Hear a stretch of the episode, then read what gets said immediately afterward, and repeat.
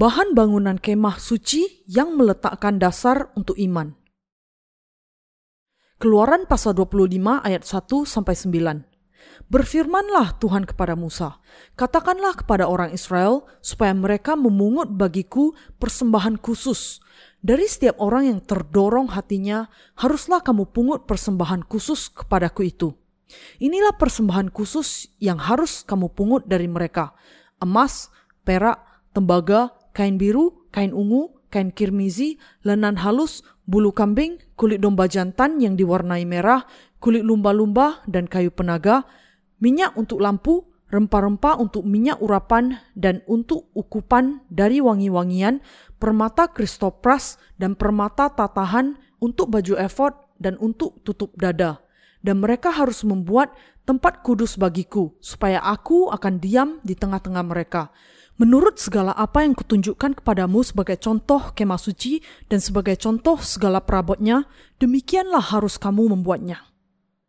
Kehidupan yang malang dalam sebuah puisi yang berjudul Satu Mazmur Kehidupan, Henry Wadsworth Longfellow menuliskan, Jangan katakan kepadaku dengan kemurungan, kehidupan hanya adalah sebuah mimpi kosong. Namun, kalau Anda mau memikirkan dengan sungguh-sungguh, kehidupan manusia memang sangat malang. Meskipun kehidupan semua orang nampak seperti hanya kembali menjadi debu secara sia-sia setelah menjalani kehidupan yang sepi dan sementara di berantara dunia, sebenarnya dunia ini bukanlah tujuan terakhir. Tujuan terakhir dari kehidupan semua manusia karena dosa adalah neraka yang kekal, yang penuh dengan penderitaan yang sangat mengerikan. Namun, manusia biasanya tidak memperhatikan mengenai kematian dan kehidupan mereka sesudah mereka mati. Ketika hidup di dunia ini, manusia dengan demikian hidup dengan tidak memiliki tujuan, melangkah menuju neraka, tidak bisa bertemu dengan Allah yang sudah menyelamatkan mereka. Inilah kehidupan. Tetapi kalau memang hanya inilah kehidupan, betapa malang dan menyedihkan kehidupan kita. Untuk kehidupan yang demikian, Mesias sedang menunggu. Kalau manusia secara sembarangan masuk ke dunia ini hanya untuk berkeliaran tanpa tujuan dan lenyap ke dalam kegelapan, mereka memang akan menghadapi keberadaan yang menjadikan dan penuh penderitaan. Kita semua bisa mengakui hal ini kalau kita melihat orang-orang yang ada di sekitar kita. Suatu hari, ketika saya sedang berada di dalam mobil, saya melihat ada seorang tua sekitar 60 tahun berjalan di tepi jalan. Ia berjalan membelakangi saya. Kepalanya menunduk dan bahunya terkulai, dan ia nampak sebagai orang yang sangat kesepian. Ketika saya membunyikan klakson saya, ia menengok, dan saya melihat wajahnya penuh dengan kesedihan. Melihat ekspresi orang tua ini, saya termenung sejenak. Orang tua itu barangkali merasakan betapa sepinya kehidupannya. Sunyinya musim gugur mungkin menambahkan perasaan kekosongan itu membuat dia merasa bertambahnya rasa kesia-siaan di dalam kehidupannya. Bukan hanya hidup orang tua itu, tetapi kehidupan semua orang pada kenyataannya memang menyedihkan. Karena waktu begitu cepat berlalu, manusia bahkan tidak merasakan bahwa mereka sudah menjadi tua, sampai kemudian tiba-tiba mereka mendapati kerut-kerut di wajah mereka. Banyak di antara mereka yang menghadapi begitu banyak kesulitan di dalam kehidupan mereka, sampai mereka tidak memiliki kesempatan untuk beristirahat, berbalik, dan melihat kembali jalan yang sedang mereka lalui. Meskipun semua orang tua sudah hidup dan bekerja keras untuk keluarga dan anak-anak mereka, kata-kata tidak cukup untuk menjelaskan kesedihan mereka, karena ketika menghadapi masa senja mereka sendiri, tidak ada lagi sisa dari kehidupan mereka. Terbawa oleh emosi mereka, mereka kemudian akan dipenuhi dengan air mata. Setelah banyak waktu berlalu dan setelah tahun-tahun lewat, mereka akhirnya memiliki kesempatan untuk menengok ke belakang, dan ketika mereka melakukannya, yang bisa mereka rasakan hanyalah betapa anehnya kejadian yang sangat menggenaskan di musim gugur itu menjadi begitu tepat menggambarkan keadaan diri mereka. Dengan musim gugur, ketika dedaunan gugur dan menghadapi musim dingin yang suram, mereka menyadari bahwa kehidupan mereka juga segera akan lenyap dengan cara yang sama.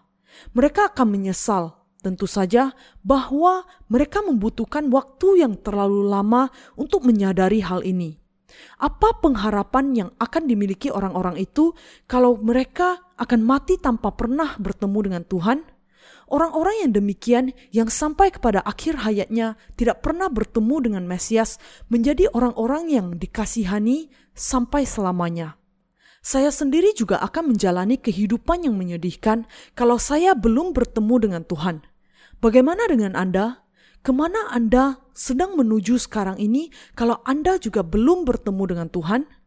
Terlalu banyak orang di dunia ini yang karena tidak bisa bertemu dengan Tuhan sudah menuju kepada ketidakbahagiaan mereka sendiri. Hati saya terasa hancur ketika saya berpikir mengenai orang-orang itu, yaitu bahwa ada begitu banyak orang yang menuju kepada ketidakbahagiaan mereka sendiri. Yang bisa dilakukan oleh babi hanyalah makan sampai mereka menghadapi akhir hayatnya. Tetapi kehidupan kita berbeda dengan babi karena kita harus merenungkan dan melihat melampaui kekinian kepada masa kekekalan yang akan datang. Banyak orang yang sampai kepada akhir hayatnya dengan penuh penyesalan.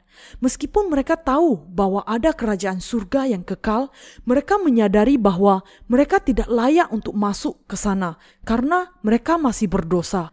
Bahwa ada begitu banyak kehidupan yang penuh dengan penyesalan, demikian hanya membuat saya semakin meratap dan bersedih atas nasib mereka yang sangat menggenaskan. Ketika kita berpikir tentang kehidupan yang demikian, bahwa mereka tidak bisa pergi ke tempat yang indah yang dipersiapkan Allah, dan bahwa mereka akan lenyap dari dunia ini tanpa menggenapi tujuan yang sebenarnya dari kehidupan mereka, kita hanya bisa mengasihani orang-orang itu dan meratapi nasib mereka. Inilah sebabnya kehidupan sering dibandingkan dengan sebuah perjalanan melalui lautan yang bergelombang dan penuh kesulitan. Ketika menyebut mengenai kehidupan, manusia mengatakan bahwa hal itu seperti berada di atas lautan yang demikian berusaha untuk bertahan di dalam kepahitan dunia manusia karena sejak mereka lahir sampai mati mereka harus menderita, menendang dan menangis hanya untuk bisa bertahan. Ketika kita mengingatkan diri kita bahwa demikianlah kehidupan, kita menyadari dengan pasti bahwa menjelaskan kebenaran kemah suci ini kepada orang lain dan menolong mereka untuk bertemu dengan Tuhan adalah pekerjaan yang sangat penting. Mengapa? Karena melalui korban persembahan, Allah memberikan kepada orang-orang berdosa ini keselamatan dari dosa mereka dengan membawa mereka ke dalam rumah Allah sendiri.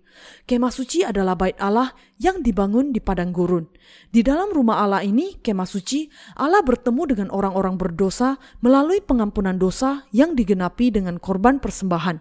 Allah mengatakan kepada kita, Aku akan membuat kamu membangun rumahku di mana aku akan berdiam dan aku akan bertemu denganmu di dalam kemah suci ini di atas tutup pendamaian. Hanya di dalam kemah suci, rumah Allah, semua orang bisa mendapatkan kesempatan bertemu dengan Allah.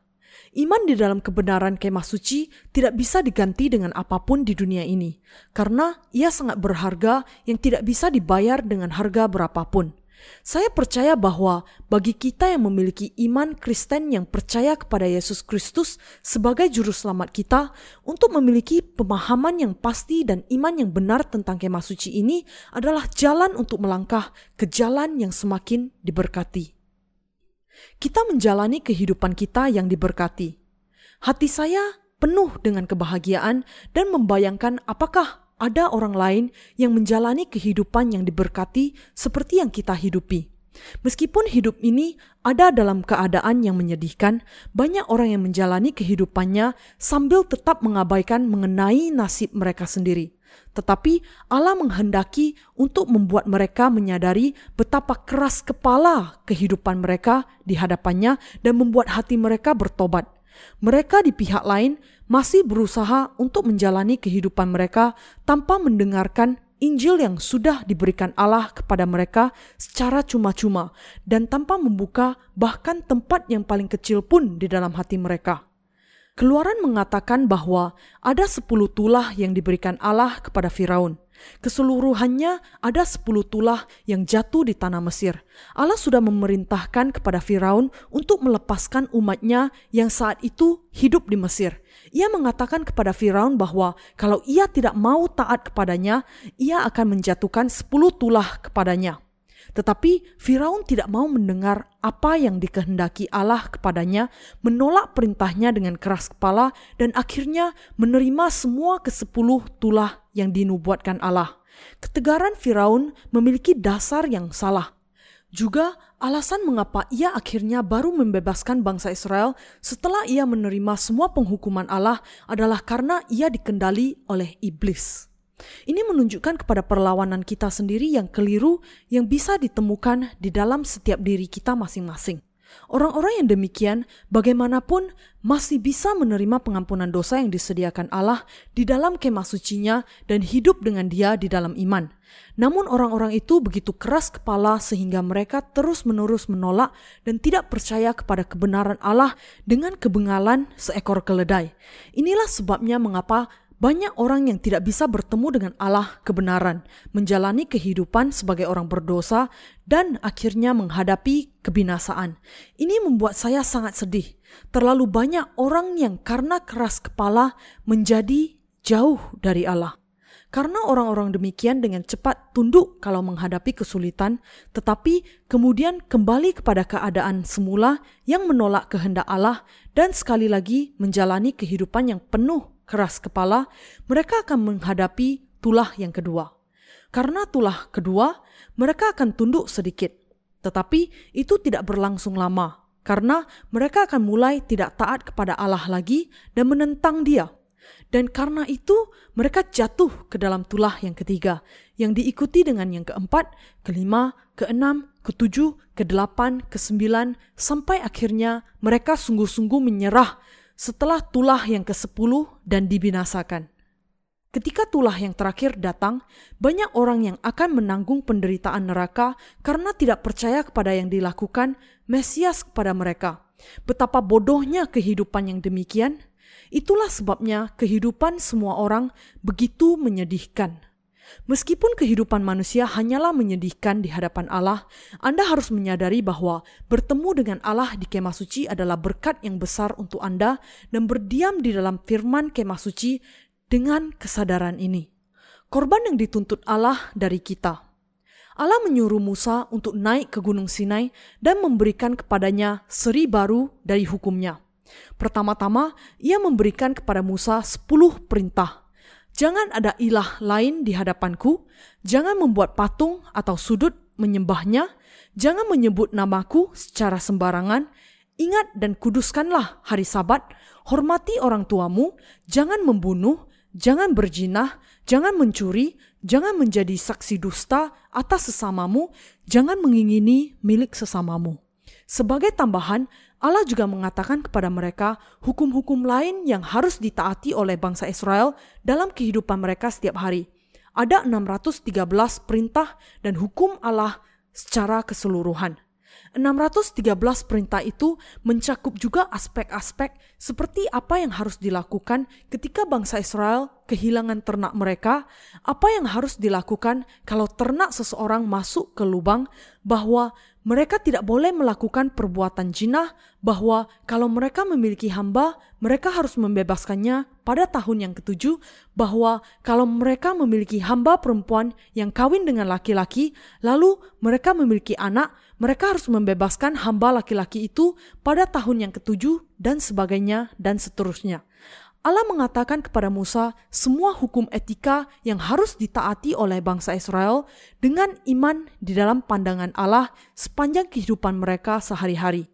Allah kemudian menyuruh Musa turun dari gunung, mengumpulkan tua-tua dan menjelaskan perintah-perintahnya.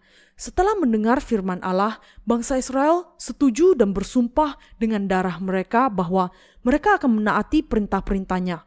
Keluaran pasal 24 ayat 1 sampai 4. Lalu Allah menyuruh Musa naik ke gunung sekali lagi, kali ini menyuruhnya untuk membangun kemah suci. Allah berkata kepada Musa, Katakanlah kepada orang Israel supaya mereka memungut bagiku persembahan khusus. Dari setiap orang yang terdorong hatinya, haruslah kamu pungut persembahan khusus kepadaku itu. Keluaran pasal 25 ayat 2. Lalu ia mendaftarkan apa saja yang dipersembahkan kepadanya. Ini persembahan khusus yang harus kamu pungut dari mereka. Emas, perak, tembaga, kain ungu tua, kain ungu muda, kain kirmizi, lenan halus, bulu kambing, kulit domba jantan yang diwarnai merah, kulit lumba-lumba dan kayu penaga, minyak untuk lampu, rempah-rempah untuk minyak urapan dan untuk ukupan dari wangi-wangian, permata krisopras dan permata tatahan untuk baju efod dan untuk tutup dada. Keluaran pasal 25 ayat 3 sampai 7. Ada tujuan yang jelas di balik perintah Allah supaya mereka membawa korban itu. Tujuannya adalah agar membangun di bumi ini rumah Allah yang cemerlang di mana tidak ada dosa dan di mana Allah berdiam sehingga ia bisa bertemu dengan bangsa Israel di sana dan membuat segala dosa mereka lenyap. Ini tidak berarti, meski demikian, bahwa Allah memerintahkan supaya mereka mengumpulkan uang untuk membangun tempat peringatan seperti yang dilakukan gereja zaman ini. Nabi-nabi palsu di dalam kekristenan sangat cenderung untuk menyalah artikan bagian ini ketika mereka sedang berusaha untuk membangun bangunan gereja untuk memuaskan keinginan pribadi mereka sendiri. Sebaliknya, Allah memerintahkan bangsa Israel untuk membawa persembahan itu supaya ia bisa menggunakan untuk membangun rumahnya sendiri dan memberkati mereka secara berkelimpahan di sana. Kenyataannya, alasan mengapa Allah menerima persembahan ini adalah untuk menyelamatkan kita dari dosa kita dan menyelamatkan kita dari penghukuman. Allah sendiri yang menemui kita, yang menjalani kehidupan yang menyedihkan untuk membuat dosa-dosa kita dilenyapkan dan untuk menjadikan kita sebagai umatnya. Makna rohani yang tersembunyi dari korban yang diperintahkan Allah untuk dibawa kepadanya. Sebelum kita melanjutkan lebih jauh, mari kita terlebih dahulu merenungkan makna rohani dari korban yang Allah perintahkan untuk dibawa kepadanya. Setelah itu, kita akan melihat iman kita dalam terang itu. Emas, perak, dan tembaga. Kita harus terlebih dahulu menemukan di mana emas, perak, dan tembaga dipakai. Dalam kemah suci, emas dipakai untuk tempat kudus, tempat maha kudus, dan semua perkakas yang ada di dalamnya, termasuk kandil, meja roti sajian, mesbah pembakaran ukupan, tutup pendamaian, dan tabut perjanjian. Emas menunjuk pada iman kepada firman Allah dan perak menunjuk kepada anugerah keselamatan. Hal itu menjelaskan bahwa kita harus memiliki iman yang percaya kepada anugerah keselamatan yang diberikan hanya oleh Mesias, dan iman yang percaya bahwa Tuhan kita sudah menanggung segala dosa kita dan dihukum menggantikan kita. Tembaga sebaliknya dipakai untuk alas tiang-tiang, kaitan-kaitan, bejana pembasuhan, dan mesbah korban bakaran. Semua perkakas tembaga harus ditanam atau diletakkan langsung di atas tanah. Ini menunjuk kepada penghukuman atas dosa-dosa manusia, dan tembaga juga menjelaskan bahwa kita akan dihukum Allah karena tidak bisa menaati hukum Taurat dan karena dosa-dosa kita. Apa kemudian makna rohani dari emas, perak, dan tembaga? Semuanya itu menunjukkan dasar iman di dalam menerima anugerah keselamatan yang diberikan oleh Allah. Alkitab mengatakan bahwa kita semua adalah orang berdosa yang tidak bisa sepenuhnya menaati hukum Taurat, dan karena itu kita harus mati karena dosa-dosa kita, dan bahwa sebagai ganti kematian kita, Tuhan datang ke dunia ini dan dihukum bagi dosa-dosa kita, menggantikan diri kita dengan menjadi korban persembahan dari korban penghapus dosa yang diberikan di dalam kemah suci. Untuk menyelesaikan masalah dosa, orang berdosa membawa hewan yang tidak bercacat ke kemah suci dan sesuai dengan sistem korban menanggungkan dosa-dosa mereka dengan menumpangkan tangan ke atas kepala binatang korban. Korban persembahan yang menerima dosa-dosa mereka kemudian mencurahkan darahnya dan disembelih. Dengan melakukan hal itu, bangsa Israel yang harus masuk neraka, tembaga, bisa menerima pengampunan dosa mereka perak, dan lepas dari hukuman atas dosa karena iman, emas. Kain biru dan kain ungu, kain kirmizi, dan lenan halus yang dipintal benangnya. Bahan-bahan lain yang sering digunakan adalah kain biru dan kain ungu, kain kirmizi, dan lenan halus yang dipintal benangnya. Kain-kain itu dipakai untuk membuat pintu gerbang perantara kemah suci, pintu gerbang tempat kudus, dan tabir yang memisahkan antara tempat kudus dengan tempat maha kudus. Keempat kain itu menjelaskan kepada kita kebenaran yang dinubuatkan di dalam kejadian pasal 3 ayat 15 bahwa Tuhan akan datang sebagai keturunan perempuan. Tuhan kita akan datang ke dunia ini dan menyelamatkan orang berdosa dari dosa dengan dibaptiskan dan disalibkan dan bahwa Allah sendiri akan menyelamatkan kita. Keempat kain itu dipakai bukan hanya untuk pintu gerbang kemah suci, tetapi juga untuk pakaian imam besar dan penutup kemah suci yang pertama. Ini adalah perjanjian Allah bahwa Yesus Kristus akan datang ke dunia ini dan menyelamatkan kita dari dosa dengan menggenapkan karya kain biru dan kain ungu, kain kirmizi, dan lenan halus yang dipintal benangnya. Dan Tuhan kita kemudian menepati janji dan memang sudah menyelamatkan kita dari dosa dunia. Hal yang paling penting dari pintu gerbang kemah suci adalah kain biru. Mengapa Yesus Kristus yang datang ke dunia ini sebagai Mesias harus mati di kayu salib? Alasannya adalah karena ia sudah dibaptiskan. Kain biru menunjuk kepada baptisan Yesus dan kain ungu menjelaskan bahwa Yesus adalah raja dan kain kirmizi menunjuk kepada penyalipan dan pencurahan darahnya. Kain biru dan kain ungu, kain kirmizi dan lenan halus yang dipintal benangnya adalah bahan bangunan yang penting yang menjelaskan anugerah keselamatan yang Yesus Kristus sudah berikan kepada kita dengan datang ke dunia ini sebagai Mesias dan menanggung segala dosa kita ke atas dirinya. Banyak orang di dunia ini hanya menekankan bahwa Yesus Kristus adalah anak Allah dan bahwa ia pada dasarnya adalah Allah sendiri. Tetapi Allah dengan jelas menerangkan melalui kemah suci bahwa pengajaran itu bukan kebenaran yang seluruhnya.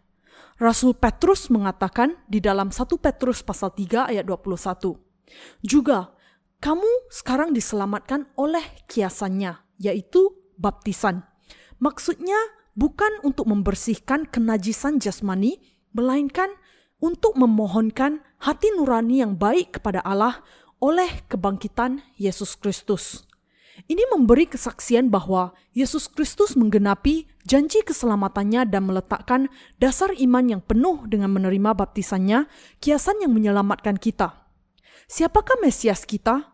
Mesias berarti juru selamat yang menjelaskan bahwa Yesus datang ke dunia ini dibaptiskan untuk menanggung segala dosa kita dan segala dosa dunia ke atas dirinya dan pada kenyataannya ia menanggung semua itu ke atas dirinya melalui baptisannya. Allah mengatakan kepada bangsa Israel untuk membangun pintu gerbang perantara kemah suci dengan menenun kain biru dan kain ungu, kain kirmizi, dan lenan halus yang dipintal benangnya. Dan tujuan bagi Tuhan kita yang adalah Raja di atas segala Raja dan Tuhan Surgawi yang datang ke dunia ini dalam rupa manusia adalah untuk menggenapi kebenaran kain biru dan kain ungu, kain kirmizi, dan dari lenan halus yang dipintal benangnya. Tuhan kita datang di dalam rupa manusia dan menerima baptisan yang akan menggenapi seluruh kebenaran Allah dari Yohanes Pembaptis, wakil semua manusia. Ini sama seperti korban persembahan di Perjanjian Lama yang menerima dosa-dosa bangsa Israel yang ditanggungkan kepadanya melalui penumpangan tangan imam besar ke atas kepalanya dan yang dihukum atas dosa-dosa itu menggantikan mereka. Dengan kata lain, sama seperti korban persembahan di dalam Perjanjian Lama, Yesus datang di zaman Perjanjian Baru sebagai korban persembahan bagi dosa-dosa semua orang berdosa, dibaptiskan, disalibkan, dan dengan itu menanggung hukuman segala dosa dunia. Yesus menggenapi kebenaran kain biru dengan dibaptiskan oleh Yohanes sebagai anak domba Allah yang dikorbankan. Dengan baptisan ini, Yesus menanggung segala dosa manusia ke atas dirinya sekaligus. Alasan mengapa kebanyakan orang Kristen berubah menjadi orang-orang yang lebih jahat dibandingkan dengan orang-orang yang beragama dunia adalah karena mereka sudah tidak bisa mengerti dan percaya kepada kebenaran kain biru, baptisan Yesus, dan dengan itu tidak menerima pengampunan dosa sekaligus. Ketika orang Kristen tidak memiliki penafsiran yang benar tentang baptisan yang diterima Yesus untuk menanggung segala dosa ke atas dirinya, dasar iman mereka sendiri tidak diletakkan secara benar sejak awalnya. Untuk jelasnya, kain biru adalah cara dan kebenaran bahwa Mesias datang ke dunia ini dan menanggung segala dosa ke atas dirinya. Dan kain kirmizi menunjuk kepada darah Yesus. Alasan mengapa Yesus Kristus disalibkan, mencurahkan darahnya dan mati di kayu salib adalah karena segala dosa kita sudah ditanggungkan kepadanya melalui baptisannya. Karena Yesus sudah menanggung segala dosa kita ke atas dirinya melalui baptisannya yang diterimanya dari Yohanes, sehingga kemudian ia mati di kayu salib, dan karena kenyataan inilah, maka pengorbanan di kayu salib bagi kita tidaklah sia-sia.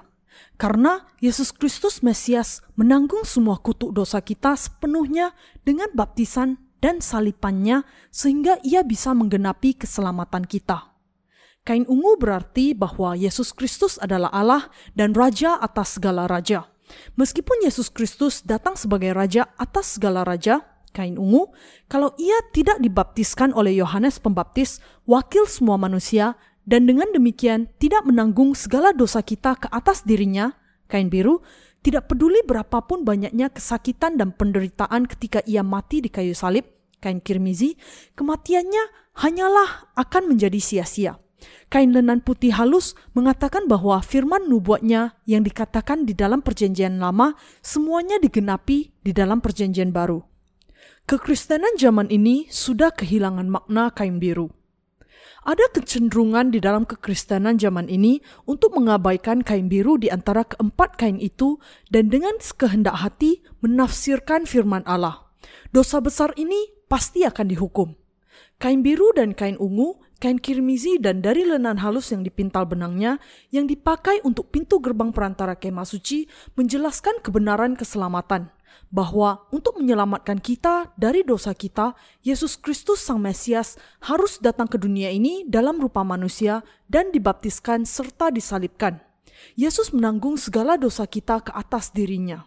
Bagaimana Yesus menanggung segala dosa kita ke atas dirinya? Ia menerima semuanya melalui baptisan yang diterimanya dari Yohanes. Hanya dengan menanggung segala dosa ke atas dirinya saja, Yesus bisa menjadi juru selamat kita yang sejati. Inilah sebabnya pintu gerbang kemah suci harus terbuat dari empat jenis kain, karena semuanya menjelaskan bahwa Yesus yang datang ke dunia ini dibaptiskan, mencurahkan darahnya di kayu salib, bangkit kembali dari kematian, dan adalah Allah sendiri. Dengan demikian, pintu gerbang perantara kemah suci dibuat dari kain biru dan kain ungu, kain kirmizi, dan dari lenan halus yang dipintal benangnya. Yesus adalah pintu keselamatan yang akan membawa kita ke dalam kerajaan surga.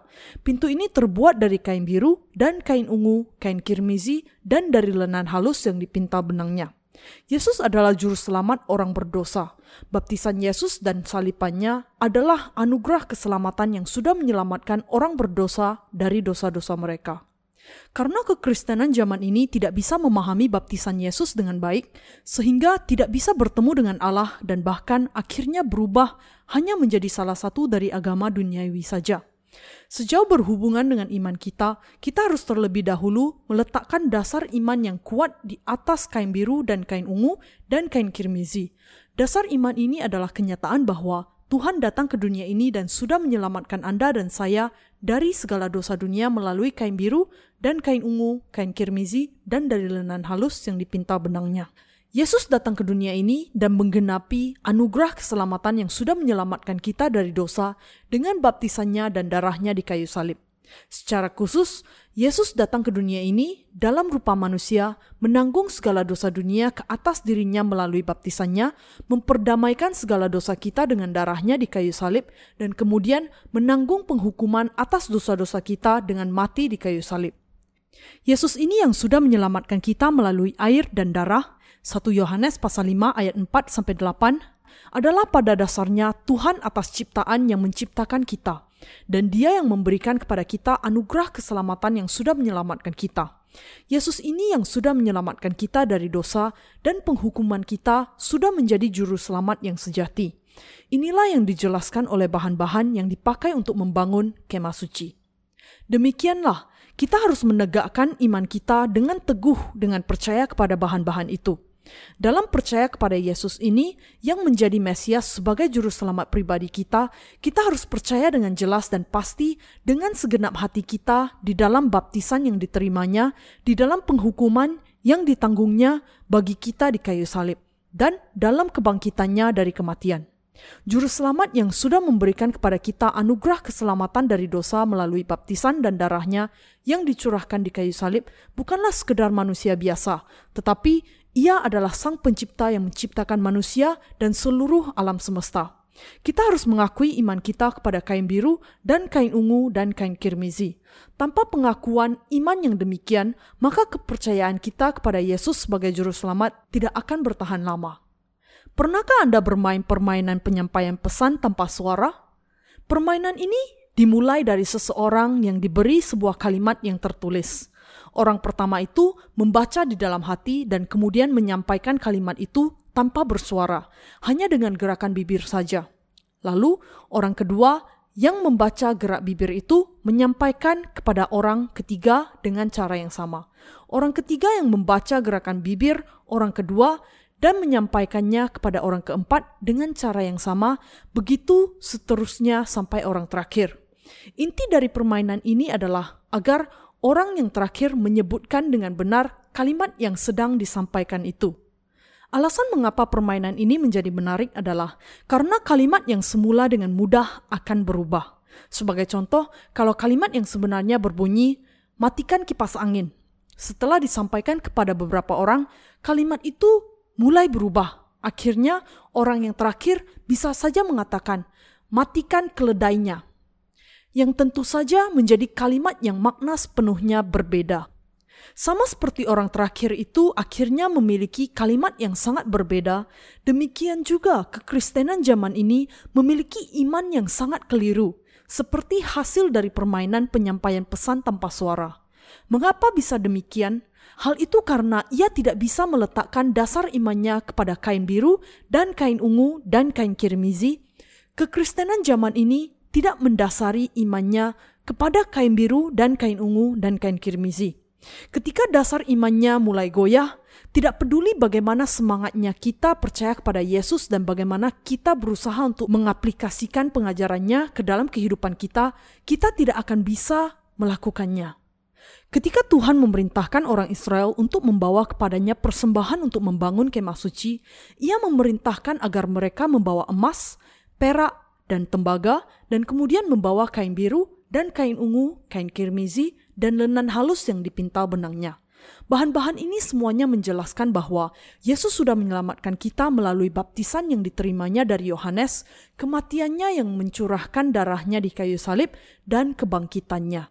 Kain biru bukan hanya dipakai untuk pintu gerbang kemah suci, tetapi juga untuk jubah imam besar dan penutup kemah suci.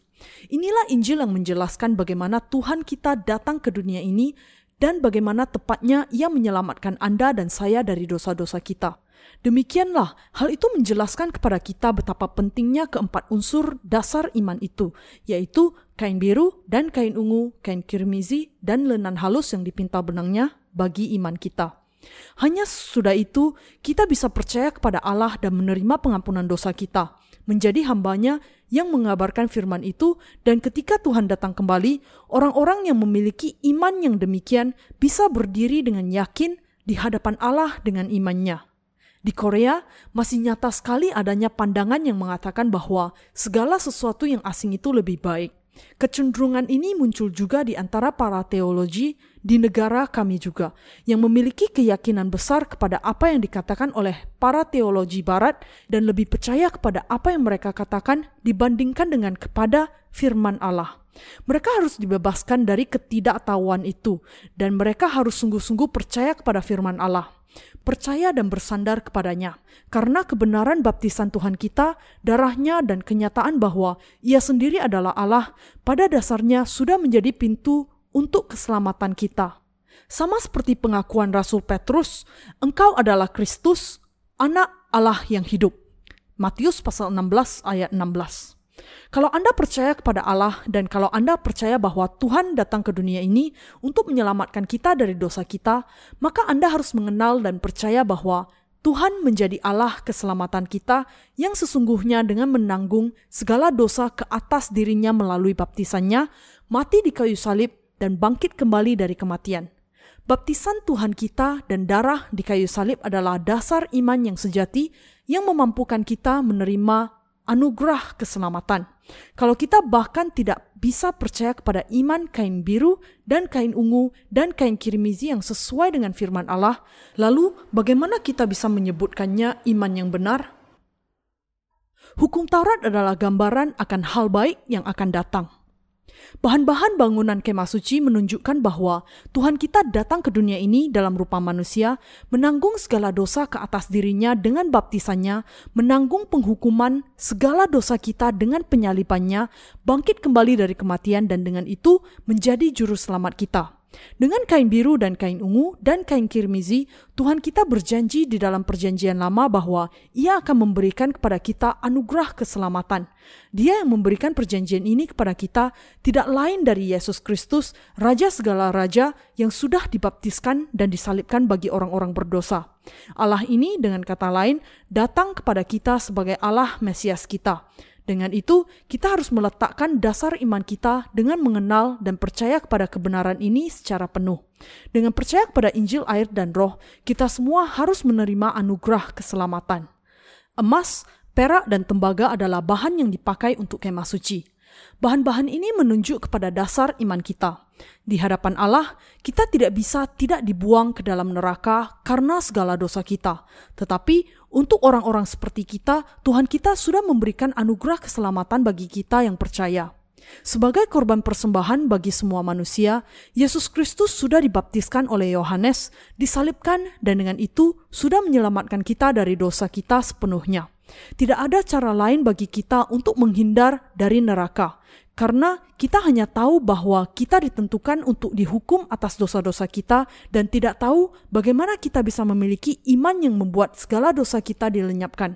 Tetapi di dalam Allah ada anugerah keselamatan, bahwa Allah datang ke dunia ini menerima segala dosa kita ke atas dirinya dengan baptisannya, mati di kayu salib dan dengan itu menyelesaikan masalah dosa-dosa dan penghukuman kita, inilah anugerah keselamatan.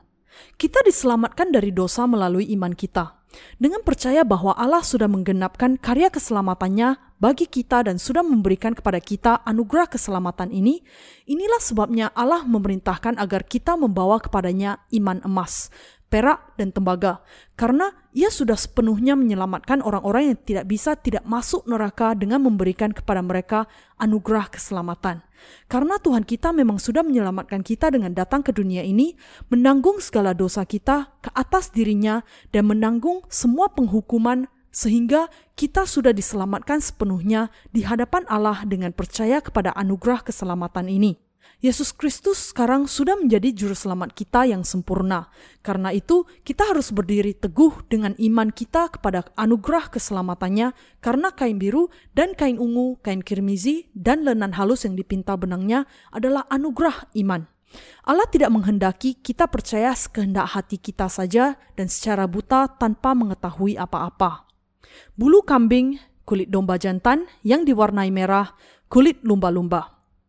Bahan itu dipakai untuk penutup kemah suci. Tutup yang pertama terbuat dari kain biru dan kain ungu, kain kirmizi, dan dari lenan halus yang dipintal benangnya, yang kemudian di atasnya ditutup lagi dengan bulu kambing. Kemudian semua ini ditutup lagi dengan kulit domba jantan yang diwarnai merah, lalu kulit lumba-lumba diletakkan di bagian paling atas. Dengan cara ini, empat lapisan penutup dipakai untuk menutupi kemah suci. Tutup atap yang paling atas dari kemah suci terbuat dari kulit lumba-lumba. Jadi, yang nampak sebagai permukaan dari kemah suci adalah warna hitam dari kulit lumba-lumba saja. Lumba-lumba adalah sejenis binatang laut. Masing-masing kulitnya adalah selebar manusia atau sedikit lebih kecil, dan kulitnya bisa menahan resapan air. Ini sebabnya kulit lumba-lumba dipakai sebagai penutup yang paling atas untuk penutup kemah suci. Karena ini, penampilan luar kemah suci agak kurang menarik dan tentu saja tidak sedap dipandang. Ini menjelaskan bahwa ketika Yesus datang ke dunia ini, ia perlu datang dalam rupa yang hina yang tidak menarik dalam penampilannya. Kulit domba jantan yang diwarnai merah menjelaskan bahwa Yesus Kristus datang ke dunia ini dan mengorbankan dirinya bagi kita. Sementara bulu kambing menjelaskan bahwa ia akan menerima baptisan sebagai korban persembahan dan dengan itu menerima dosa-dosa kita ke atas dirinya dan dengan disalibkan di kayu salib. Bahan-bahan untuk tutup kemah suci ini dengan kata lain adalah dasar bagi iman kita. Kebenaran ini adalah bahan-bahan bangunan iman yang sepenuhnya tidak boleh hilang sama sekali. Untuk memberikan anugerah keselamatan kepada kita, Yesus Kristus datang ke dunia ini sebagai korban persembahan kita. Di dalam Perjanjian Lama, Allah menetapkan sistem bagi pengampunan dosa bangsa Israel. Korban binatang yang tidak bercacat, kambing, domba jantan, atau sapi akan menerima dosa-dosa bangsa Israel yang ditanggungkan kepada mereka melalui penumpangan tangan dan disembelih menggantikan mereka, mencurahkan darah mereka dan dibakar, dan dengan itu menyelamatkan mereka dari segala dosa mereka. Yesus Kristus datang ke dunia ini sebagai anak domba korban dan menerima segala dosa kita ke atas dirinya melalui baptisannya, yaitu penumpangan tangan. Sama seperti korban persembahan disembelih dan mati dengan mencurahkan darahnya dan dibakar di mesbah korban untuk menerima dosa-dosa bangsa Israel dengan penumpangan tangan, maka demikian juga Yesus Kristus menanggung segala penghukuman atas dosa-dosa kita dengan dibaptiskan dan mati di kayu salib dan dengan itu menyelamatkan kita dari segala dosa dunia. Kalau nama-nama di dalam kitab penghakiman dihapuskan dengan menaruh darah korban persembahan di tanduk-tanduk mesbah korban bakaran, itu adalah karena Yesus dibaptiskan dan mencurahkan darahnya sehingga ia menggenapkan pendamaian kekal bagi kita dengan darahnya dan sudah menghapuskan segala dosa dunia. Demikianlah semua bahan di kemah suci berbicara mengenai Yesus Kristus dan pelayanannya menjelaskan bahwa ia sudah menyelamatkan kita dari dosa dunia. Dari perjanjian lama sampai ke perjanjian baru, firman bahwa Yesus sudah menyelamatkan kita dari dosa adalah seluruh kebenaran yang sepenuhnya bebas dari kesalahan. Banyak orang Kristen di zaman ini yang tidak percaya bahwa Yesus Kristus datang ke dunia ini sebagai korban persembahan kita dan menanggung segala dosa kita ke atas dirinya dengan baptisannya, namun justru percaya tanpa syarat hanya kepada kematiannya di kayu salib. Iman Kristen yang demikian adalah tidak benar dan hanya membuat pintu gerbang perantara dari kain kirimizi dan kain ungu serta meninggalkan kain birunya. Mereka hanya memiliki iman yang salah paham yang tidak merasa memerlukan penutup yang terdiri dari kain biru dan kain ungu, kain kirmizi, dan dari lenan halus yang dipintal benangnya. Dan justru hanya percaya bahwa yang mereka butuhkan hanyalah dua penutup dari kulit domba jantan yang diwarnai merah dan kulit lumba-lumba. Ketika kita melihat kepada banyak gambar tentang kemah suci yang ada, kebanyakan digambar dalam bentuk di mana kita sama sekali tidak menemukan ada warna biru di sana. Karena orang-orang yang menggambar itu tidak mengerti tentang Injil air dan roh, pintu gerbang perantara di dalam gambar mereka semuanya berwarna kirmizi dan putih. Tetapi iman yang demikian bukan iman yang benar di hadapan Allah. Kain yang paling berguna di pintu gerbang perantara kemah suci adalah kain biru yang diikuti oleh kain ungu dan kemudian kain kirmizi dan kain lenan putih. Jika ketika memandang pintu gerbang perantara, keempat warna itu harus nampak sekaligus. Tetapi karena banyak orang di dunia ini yang imannya menghindari baptisan Yesus penuhnya, mereka mengabaikan keempat warna yang dipakai untuk kemah suci dan bahkan membuat pintu gerbang kemah suci hanya dengan dua warna saja. Dengan melakukan hal itu, mereka mendustai banyak orang yang memang memiliki pemahaman yang terbatas tentang Allah dan bahkan tidak terlalu memahami firman-Nya. Mereka adalah nabi-nabi palsu. Menunjuk kepada orang-orang itu, Yesus sendiri menyebut mereka sebagai lalang yang ditabur di antara gandum Matius pasal 13 ayat 25. Mereka sudah menjadi dengan kata lain orang-orang yang menyebarkan dusta dengan meninggalkan kain biru dari gambar mereka tentang pintu gerbang perantara kemah suci. Inilah sebabnya banyak orang masih ada di dalam dosa meskipun sudah percaya kepada Yesus dan sebabnya mengapa iman mereka akan membawa mereka kepada kebinasaan karena dosa-dosa mereka. Dasar iman kita harus berdiri kokoh apa gunanya menjalani kehidupan keagamaan dalam waktu yang lama bagi jiwa Anda kalau semuanya itu hanya iman keliru yang tidak memiliki dasar? Iman yang salah bisa dan akan runtuh dalam sekejap saja. Tidak peduli bagaimanapun indahnya rumah kita, apa untungnya kalau kita membangun rumah itu di atas dasar pondasi yang salah? Bagaimanapun tekunnya Anda melayani Allah, kalau dasar iman Anda itu salah, maka anda sedang membangun di atas pasir. Ketika badai melanda, angin menimpa, banjir menerpa, maka dalam sekejap semuanya akan runtuh. Tetapi bagaimana dengan iman yang dasarnya kuat? Iman itu tidak akan pernah runtuh bagaimanapun goncangan yang terjadi. Allah mengatakan bahwa rumah yang dibangun di atas kebenaran yang terdiri dari kain biru, dan kain ungu, kain kirmizi, dan dari lenan halus yang dipintal benangnya tidak akan pernah runtuh. Ini kenyataan yang terjadi. Apakah iman batu kerang? Iman itu adalah iman yang percaya kepada kebenaran kain biru dan kain ungu, kain kirmizi, dan dari lenan halus yang dipintal benangnya. Iman dari orang yang membangun rumah iman demikian tidak akan roboh. Inilah sebabnya penting untuk keyakinan kita untuk memiliki dasar yang kokoh dan kuat dasarnya. Kalau kita percaya bahkan tanpa memahami dengan tepat apa yang dilakukan Tuhan bagi kita, maka iman itu akan menjadi iman keagamaan yang keliru yang tidak dikehendaki Allah. Kayu penaga, minyak, rempah-rempah. Tiang-tiang kemah suci, mesbah korban bakaran dan papan, serta bahan untuk tempat kudus, semuanya terbuat dari kayu penaga. Kayu di dalam Alkitab sering melambangkan manusia. Hakim-Hakim pasal 9 ayat 8 sampai 15, Markus pasal 8 ayat 24. Kayu di sini juga menunjukkan keadaan kita sebagai manusia, yaitu kayu penaga dibuat menjadi tiang. Mesbah korban bakaran dan kemah suci sendiri menunjukkan bahwa sama seperti akar kayu penaga selalu tertanam di dalam tanah, hakikat kita juga sedemikian sampai kita tidak bisa tidak melakukan dosa setiap saat. Manusia harus mengakui bahwa mereka senantiasa menjadi orang berdosa yang melakukan dosa. Pada saat yang sama, kayu penaga juga melambangkan kemanusiaan Yesus Kristus. Mesias yang datang dalam rupa manusia menanggung segala dosa, dihukum menggantikan semua manusia. Ia sendiri adalah Allah, dan karena itu tabuk perjanjian, meja roti sajian, mesbah pembakaran ukupan, dan papan-papan kemah suci semua terbuat dari kayu penaga yang dilapis dengan emas murni. Minyak untuk lampu dan rempah-rempah untuk minyak urapan dan untuk ukupan menunjuk kepada iman yang kita persembahkan kepada Yesus Kristus. Yesus Kristus adalah Mesias yang sudah menyelamatkan Anda dan saya. Arti nama Yesus adalah dia yang akan menyelamatkan umatnya dari segala dosa mereka. Dan nama Kristus berarti yang diurapi. Yang menjelaskan bahwa Yesus Kristus adalah Allah sendiri dan imam besar surga yang sudah menyelamatkan kita. Dengan taat kepada kehendak Allah, Tuhan kita datang ke dunia ini dalam rupa manusia, dibaptiskan, mengorbankan dirinya di kayu salib bagi kita, dan dengan itu memberikan karunia keselamatan. Peranan imam besar yang diambil oleh Yesus sudah memberikan kepada kita keselamatan kita memang merupakan karya yang terindah.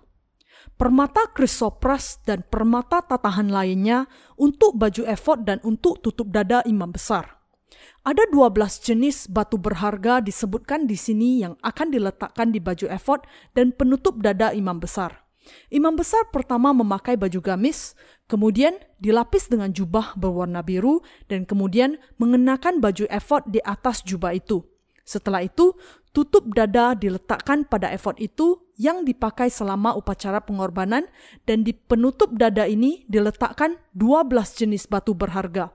Ini menunjukkan kepada kita bahwa peranan sebagai imam besar adalah untuk merangkul bangsa Israel dan juga bangsa-bangsa lain di seluruh dunia ini ke dadanya untuk menghadap Allah dan memberikan kepadanya korban persembahan mereka. Yesus, imam besar surga yang kekal, juga merangkul semua bangsa di dunia ini ke dadanya, memberikan tubuhnya untuk menanggung segala dosa mereka ke atas dirinya dengan baptisannya dan untuk menjadi korban bagi kita dan dengan itu menguduskan umatnya kepada Allah Bapa. Kedua belas jenis batu berharga ini ditempatkan di penutup dada menunjukkan semua bangsa yang ada di dunia ini dan imam besar yang mengenakannya menunjuk kepada Yesus Kristus yang sudah dengan cara yang sama menyelamatkan dan merangkul ke dadanya semua bangsa yang ada di dunia. Demikianlah persembahan yang diberikan Allah kepada bangsa Israel untuk dibawa membangun kemah suci baginya. Ada makna rohani pada kenyataan bahwa Allah memerintahkan agar mereka membangun kemah suci tempat kediamannya dengan persembahan itu. Orang Israel selalu ada di dalam dosa karena mereka tidak bisa menaati hukum Taurat yang diberikan Allah kepada mereka. Inilah sebabnya Allah mengatakan kepada mereka melalui Musa untuk membangun kemah suci dan memberi mereka sistem pengorbanan yang melaluinya pengampunan dosa diberikan dengan korban persembahan yang dipersembahkan di kemah suci. Allah dengan kata lain menghapus segala dosa bangsa Israel dengan menerima persembahan mereka, menggunakan semua persembahan itu untuk membangun rumahnya dan kemudian membuat mereka mempersembahkan kepadanya korban persembahan di dalamnya sesuai dengan peraturan dari sistem pengorbanan. Inilah caranya Allah bisa berdiam di dalam kemah suci dengan bangsa Israel. Namun, tetap saja banyak sekali orang Kristen yang tetap tidak percaya kepada kain biru dan kain ungu, kain kirmizi, dan lenan halus yang dipintal benangnya. Ketika Allah memerintahkan agar mereka mempersembahkan emas, perak, dan tembaga kepadanya, mengapa mereka tidak percaya kepada kebenaran yang terkandung di dalam persembahan itu? Tidakkah kita ditentukan untuk masuk neraka karena dosa-dosa kita? Sudahkah Anda percaya kepada kekristenan seolah-olah kita hanya salah satu agama dunia saja karena Anda tidak pernah mengakui bahwa diri Anda memang ditentukan masuk neraka? Kalau begini cara Anda percaya sampai saat ini, maka Anda harus bertobat dan kembali kepada iman kain biru dan kain ungu, kain kirmizi dan lenan halus yang dipintal benangnya. Dan Anda harus menyadari di hadapan perintah Allah dengan tegas bahwa Anda hanyalah bongkahan dosa dan bahwa Anda ditentukan untuk masuk neraka karena dosa-dosa itu dan bahwa Anda harus percaya kepada Injil air dan roh. Sekarang Anda harus percaya kepada Injil kebenaran bahwa Anda juga sebenarnya ditentukan untuk masuk neraka dan Tuhan kita kemudian datang ke dunia ini sebagai Mesias menerima dosa-dosa Anda ke atas dirinya dengan baptisannya, membawa dosa-dosa itu ke atas kayu salib dan mengorbankan dirinya dengan mencurahkan darahnya di sana dan dengan itu sudah menyelamatkan Anda dan saya dari dosa-dosa dan penghukuman kita. Tanpa percaya kepada Injil, air, dan roh yang dinyatakan di dalam kain biru dan kain ungu dan kain kirmizi, kita tidak akan pernah bisa meletakkan dasar iman kita secara utuh. Kita harus berpikir tentang dasar iman kita. Allah memerintahkan agar kita memiliki iman kain biru dan kain ungu dan kain kirmizi. Kita harus bertanya kepada diri kita sendiri, apakah kita sungguh-sungguh memiliki iman kain biru dan kain ungu, kain kirmizi, dan dari lenan halus yang dipintal benangnya, atau kita hanya memiliki iman kain ungu dan kain kirmizi ini dan meninggalkan iman kain biru. Kita perlu melihat diri kita dan melihat tidakkah kita sedang mempersembahkan kepada Allah iman yang salah yang hanya cocok dengan selera kita saja. Ketika Allah memerintahkan kita mempersembahkan kepadanya kain biru dan kain ungu dan kain kirmizi, tidakkah kita entah bagaimana mempersembahkan kepadanya kain nilon berwarna hitam? Allah, kain yang engkau kehendaki tidak ada gunanya untuk kemah suci. Warnanya pasti akan luntur apabila terkena hujan dan juga melelahkan sekali untuk mencari semua bahan itu dan membawanya ke sini. Coba dahulu kain nilon ini. Saya bisa menjamin bahwa kain ini akan bertahan sampai 50 tahun atau bahkan 100 tahun kalau engkau menjaganya dengan baik. Dan bahkan kalau engkau menguburnya di bawah tanah, kain ini tidak akan lapuk dalam waktu 200 tahun. Luar biasa bukan? Tidakkah ini yang sebenarnya sedang kita katakan kepada Allah? Kita juga harus memperhatikan diri kita sendiri dan melihat apakah kita tidak sedang mempersembahkan iman yang mementingkan diri dan penuh takhayul itu kepada Allah. Dan kalau kita memang memiliki iman yang demikian, kita harus bertobat sekarang ini juga. Kita harus dengan kata lain berbalik. Mungkin ada banyak di antara kita yang berpikir bahwa diri kita adalah orang Kristen yang baik. Tetapi kalau kita perhatikan lebih seksama, pengetahuan mereka salah dan demikian juga iman mereka. Mistikisme yang ada di dalam kekristenan zaman ini. Mistikisme adalah yang paling banyak dipercaya oleh orang Kristen. Mereka tidak memiliki ide tentang apa yang dikatakan oleh firman Allah. Karena mereka tidak mengenal firman kebenaran yang diberikan Mesias kepada mereka, mereka percaya dan mengikuti Tuhan sesuai dengan perasaan dan emosi mereka, dan mereka yakin bahwa perasaan yang begitu adalah kebenaran. Karena mereka berdoa kepada Allah dengan tekun dari diri sendiri dan dengan setia mengikuti emosi dan perasaan mereka yang mereka rasakan ketika mereka berdoa, mereka tidak bisa membedakan apakah sesungguhnya iman yang benar kepada Allah. Demikian juga, Percaya kepada Allah sesuai dengan emosi dan perasaannya yang berubah-ubah sesuai dengan pemikirannya sendiri adalah iman mistikisme. Orang-orang yang percaya kepada Allah dengan pedoman perasaan yang mereka dapatkan ketika berpuasa, ketika mereka memuji, ketika mereka percaya, ketika mereka menaikkan doa pagi, ketika mereka mendaki gunung untuk berdoa dan lain-lain. Orang-orang itu adalah golongan mistikis. Dengan kata lain, menjalani kehidupan iman dengan berpegang kepada perasaan sendiri bukanlah kain biru dan kain ungu dan kain kirmizi yang dikatakan Mesias. Mungkin sebanyak 99,9% orang Kristen di zaman ini sejak awalnya sudah menjadi mistikis. Tidak melebih-lebihkan dengan kata lain untuk mengatakan bahwa selain gereja mula-mula, seluruh kekristenan sudah mengikuti mistikisme. Orang-orang yang tidak memiliki iman kain biru dan kain ungu dan kain kirmizi tertipu oleh pemikiran bahwa perasaan mereka sebenarnya adalah iman itu sendiri. Mereka mengatakan sudah melihat dan bertemu Allah di dalam doa mereka dan mengatakan betapa indahnya ketika mereka memuji. Mereka berkata, kita berkumpul di tempat pujian ini dan kita mengangkat tangan kita serta bertobat dari dosa-dosa kita. Kita menghadap kayu salib dan melakukan ibadah di kaki salib itu. Dan kemudian hati kita menjadi membara dan Kristus menjadi teramat sangat kita kasihi. Kita merasakan ucapan syukur yang besar di dalam hati kita atas darah yang dicurahkan oleh Kristus. Kita percaya bahkan semakin sungguh-sungguh bahwa Tuhan sudah menghapus segala dosa kita dan semakin menyadari apa sebabnya ia mencurahkan darahnya. Kita sangat suka dengan semua pengalaman ini. Tetapi ketika emosi mereka turun di suatu hari, mereka berkata, tetapi semua perasaan itu mulai pudar dan kita memiliki dosa di dalam hati kita. Tidak lain dari iman seperti inilah iman mistikisme. Bagaimanapun perbedaan denominasi atau sekte seseorang, setiap orang Kristen membutuhkan iman yang percaya kepada kain biru dan kain ungu dan kain kirmizi. Iman dari semua orang yang tidak percaya kepada iman kain biru dan kain ungu dan kain kirmizi yang dijelaskan oleh Allah adalah mistik dan takhayul saja. Orang-orang ini mempersembahkan kepada Allah bukan iman kain biru dan kain ungu dan kain kirimizi, tetapi justru iman kain nilon. Mereka membawa kepada Allah iman mistikis mereka dengan kata lain sesuatu yang tidak layak, sesuatu yang bahkan tidak akan diperhatikan oleh Allah. Pernahkah Anda melihat tali tebal yang dipakai untuk mengikat kapal di dermaga? Golongan mistikis akan dengan senang hati mempersembahkan kepada Allah barang ini. Ketika Tuhan kita mengatakan kepada kita untuk mempersembahkan kain biru dan kain ungu, kain kirmizi dan dari lenan halus yang dipintal benangnya, beberapa orang datang membawa tali tebalnya kepada Allah dan berkata kepadanya, Tuhan, terimalah iman ini.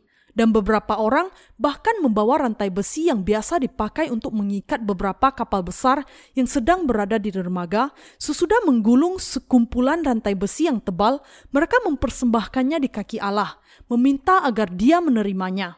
Tetapi Allah sudah mengatakan kepada kita untuk mempersembahkan kain biru dan kain ungu dan kain kirmizi. Ia tidak memerintahkan agar kita membawa kepadanya rantai besi, tetapi banyak orang membawa kepadanya sesuatu yang nampak lebih baik dalam pandangan mereka atau sesuatu yang lebih mudah untuk ditemukan. Meskipun ada di antara umat Allah yang akan datang kepada Allah dengan membawa rantai besi, tali, bahan nilon, atau bahkan rambatan pohon ararut, Allah pada kenyataannya hanya menerima persembahan kain biru dan kain ungu dan kain kirmizi. Allah sudah menetapkan bahwa ia hanya akan menerima iman kain biru dan kain ungu dan kain kirmizi. Dengan itu, kita harus membawa iman kain biru dan kain ungu dan kain kirmizi ini ke hadapan Allah. Mesias tidak menerima persembahan apa pun. Bangsa Israel juga harus membawa kepada Allah emas, perak, tembaga, serta 12 macam batu berharga untuk diletakkan di baju efod dan tutup dada. Tetapi ada beberapa orang yang membawa tembaga atau besi kepada Allah. Apakah Yesus hanya sekedar pemulung sehingga ia menerima semua hal itu? Tentu saja tidak. Yesus bukanlah seseorang yang menerima segala macam sampah. Ia bukanlah pemulung yang mau menerima barang bekas apa saja yang Anda bawa kepadanya. Yesus adalah Mesias yang ingin mencurahkan kepada kita kasih karunia-Nya, kain biru dan kain ungu dan kain kirmizi yang mengampuni segala dosa kita dan yang ingin memberikan kepada kita kasih sejatinya. Inilah sebabnya Yesus disebut sebagai Raja Kasih. Yesus memang Mesias kita yang sejati. Mesias ini sudah menetapkan iman yang dikehendakinya dari kita, menjelaskan beberapa karakteristik yang sungguh-sungguh diperlukan. Hanya kalau kita menghadap Allah dengan iman ini, Ia akan memberikan kepada kita apa yang dijanjikannya kepada kita. Tetapi kita melihat bahwa di antara orang-orang yang imannya kepada Mesias didasarkan oleh kesalahpahaman mereka akan Dia, bisa nampak ketegaran yang tidak terkatakan. Mereka jahat dan keji, seperti Firaun yang tetap tegar pada kekerasan kepalanya di hadapan Allah. Ketika Musa berkata kepadanya, Jehovah sudah menyatakan dirinya, biarkan umatnya pergi. Firaun membalas, siapakah Jehovah itu? Ketika keberadaan Allah dijelaskan kepadanya, ia seharusnya cepat menyerah dan tunduk kepadanya setelah mempertimbangkan kerugian dan keuntungan dari sikap keras kepalanya. Kalau ia sungguh-sungguh tidak bisa percaya dan tetap bertahan kepada ketegarannya, ia bisa berusaha untuk menahannya sementara. Tetapi setelah dijatuhkan beberapa tulah, ia seharusnya menyerah. Betapa bodoh dan mengenaskan bagi Firaun bahwa ia tetap bertahan dalam ketegarannya dan ketidaktaatannya kepada Allah, bahkan meskipun ia terkena tulah kata yang meliputi seluruh negaranya. Bukan hanya kata, tetapi nyamuk juga menjadi tulah di istana Firaun. Di sebelah kanan dan kiri, ke mana saja seseorang menoleh, di mana saja di seluruh negeri Mesir menjadi penuh dengan nyamuk. Tetapi Firaun belum juga menyerah. Bagaimana seseorang bisa hidup kalau di segala tempat dipenuhi dengan nyamuk? Dalam keadaan seperti ini, seharusnya ia menyadari, karena aku sudah tidak taat kepada Allah, ia sedang menunjukkan siapa yang sebenarnya raja. Saya bisa saja raja atas seluruh kerajaanku di dunia ini, tetapi aku tidak ada apa-apanya dibandingkan dengan dia. Meskipun aku raja atas negara yang terbesar di muka bumi ini, dan meskipun aku memiliki kuasa atas seluruh dunia, Allah jauh lebih berkuasa dibandingkan dengan aku, dan Ia menjatuhkan semua tulah ini karena ketidaktaatanku. Beginilah seharusnya Ia menyerah. Sangat bijaksana bagi Firaun kalau ia dengan cepat menyerah setelah ia melihat sendiri harga yang harus ditanggung dari penolakannya. Bagaimanapun berkuasanya Firaun, kalau ia sampai kepada kesimpulan bahwa tidak ada cara bagi dia untuk melawan Allah, yang harus dilakukannya adalah menyerah kepadanya dan berkata, "Baik Allah, Engkau yang paling utama, aku akan menjadi yang kedua." Tetapi karena Firaun menolak dan keras kepala, seluruh bangsa dan rakyatnya terkena tulah nyamuk. Karena ini, tidak ada orang Mesir yang bisa berbuat apa pun. Kalau semua orang yang menjadi terganggu tiada hentinya karena nyamuk, bagaimana ada orang yang bisa melakukan sesuatu selain mengusir nyamuk itu? Kita semua bisa membayangkan orang-orang Mesir yang malang itu berusaha mengusir nyamuknya, mungkin bahkan sampai membakar rumah mereka sendiri dalam usahanya, dan bau nyamuk yang terbakar memenuhi penjuru desa. Ada hal-hal yang bisa dilakukan manusia, dan ada hal-hal yang tidak bisa dilakukan manusia. Karena Allah adalah Tuhan bala tentara, Allah yang menguasai kehidupan dan kematian, kebahagiaan dan kesedihan, serta berkat dan kutuk. Ketika ini yang terjadi, daripada meletakkan keyakinan kepada diri sendiri dan berusaha untuk melawan Allah, kita semua harus berpikir secara rasional dan mencapai kesimpulan logis bahwa kita harus membuang semua keras kepala kita. Di antara kita, kita bisa saja memaksakan cara hidup kita dan berusaha menerapkannya bagi orang lain. Tetapi ketika berhubungan dengan Mesias, hal ini tidak mungkin terjadi. Kita harus berpikir tentang orang yang bagaimana sebenarnya diri kita di hadapan Allah. Kita harus sungguh-sungguh memperhatikan apakah kita memang harus bertahan melawan Allah atau hati kita justru harus lemah lembut dan rendah hati. Dan kita harus mencapai kesimpulan yang pasti bahwa kita semua harus merendahkan diri di hadapan Allah. Di hadapan manusia, kita bisa saja mempertahankan keras kepala kita dan kadangkala harus menanggung konsekuensinya, tetapi di hadapan Allah, hati kita harus sepenuhnya lembut. Allah, aku sudah melakukan kesalahan. Mereka yang mengakui hal ini adalah orang-orang yang memilih jalan yang benar. Orang-orang ini adalah orang yang bisa diselamatkan dari kehidupan mereka yang penuh kutuk.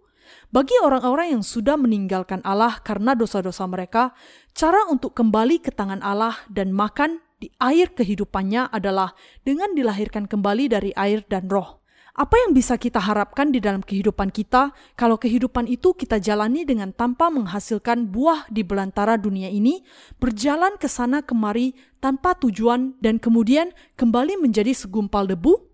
Satu-satunya jalan bagi kita yang akan kembali menjadi debu dan akan dibuang di dalam lautan api adalah untuk diselamatkan dengan percaya kepada Injil, air, dan Roh, dan dengan itu menerima pengampunan dosa kita. Ini adalah untuk kehidupan yang sudah putus asa dan tidak ada pengharapan yang ditentukan untuk mengalami kebinasaan kekal karena melawan Allah dan karena dosa-dosa mereka, sehingga mereka bisa dengan ajaib dipulihkan kembali di hadapan Allah melalui kasih karunia-Nya, kasih keselamatannya. Kita harus karena itu mengenakan keselamatan ini. Bagaimana seseorang yang hanyalah makhluk yang fana bisa menantang Allah Ketika Allah memerintahkan agar kita membawa persembahan ini dan itu, kita semua harus taat kepada firman-Nya.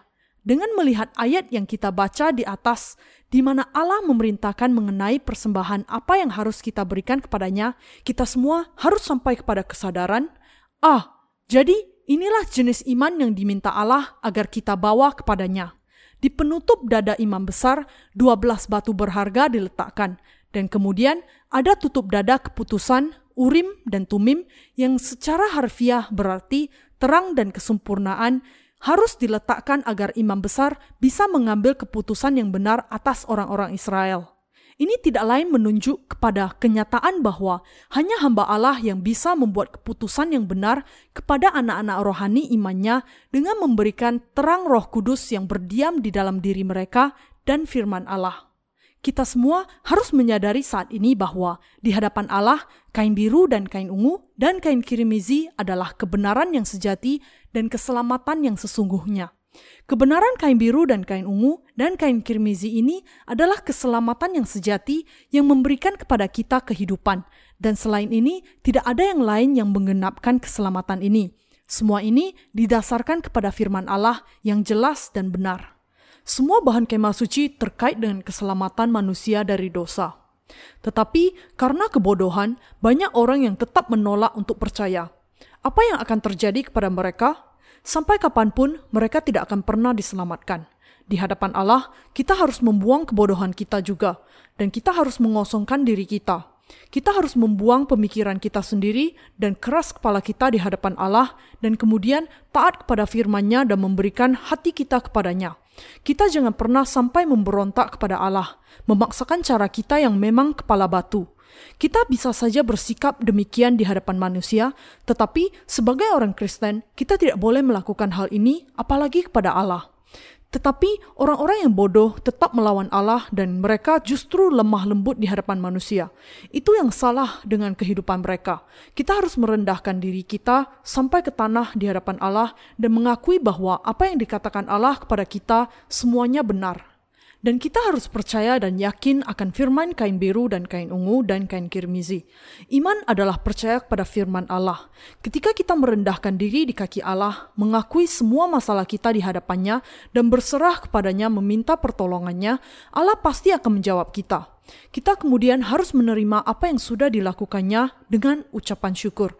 Inilah yang disebut iman.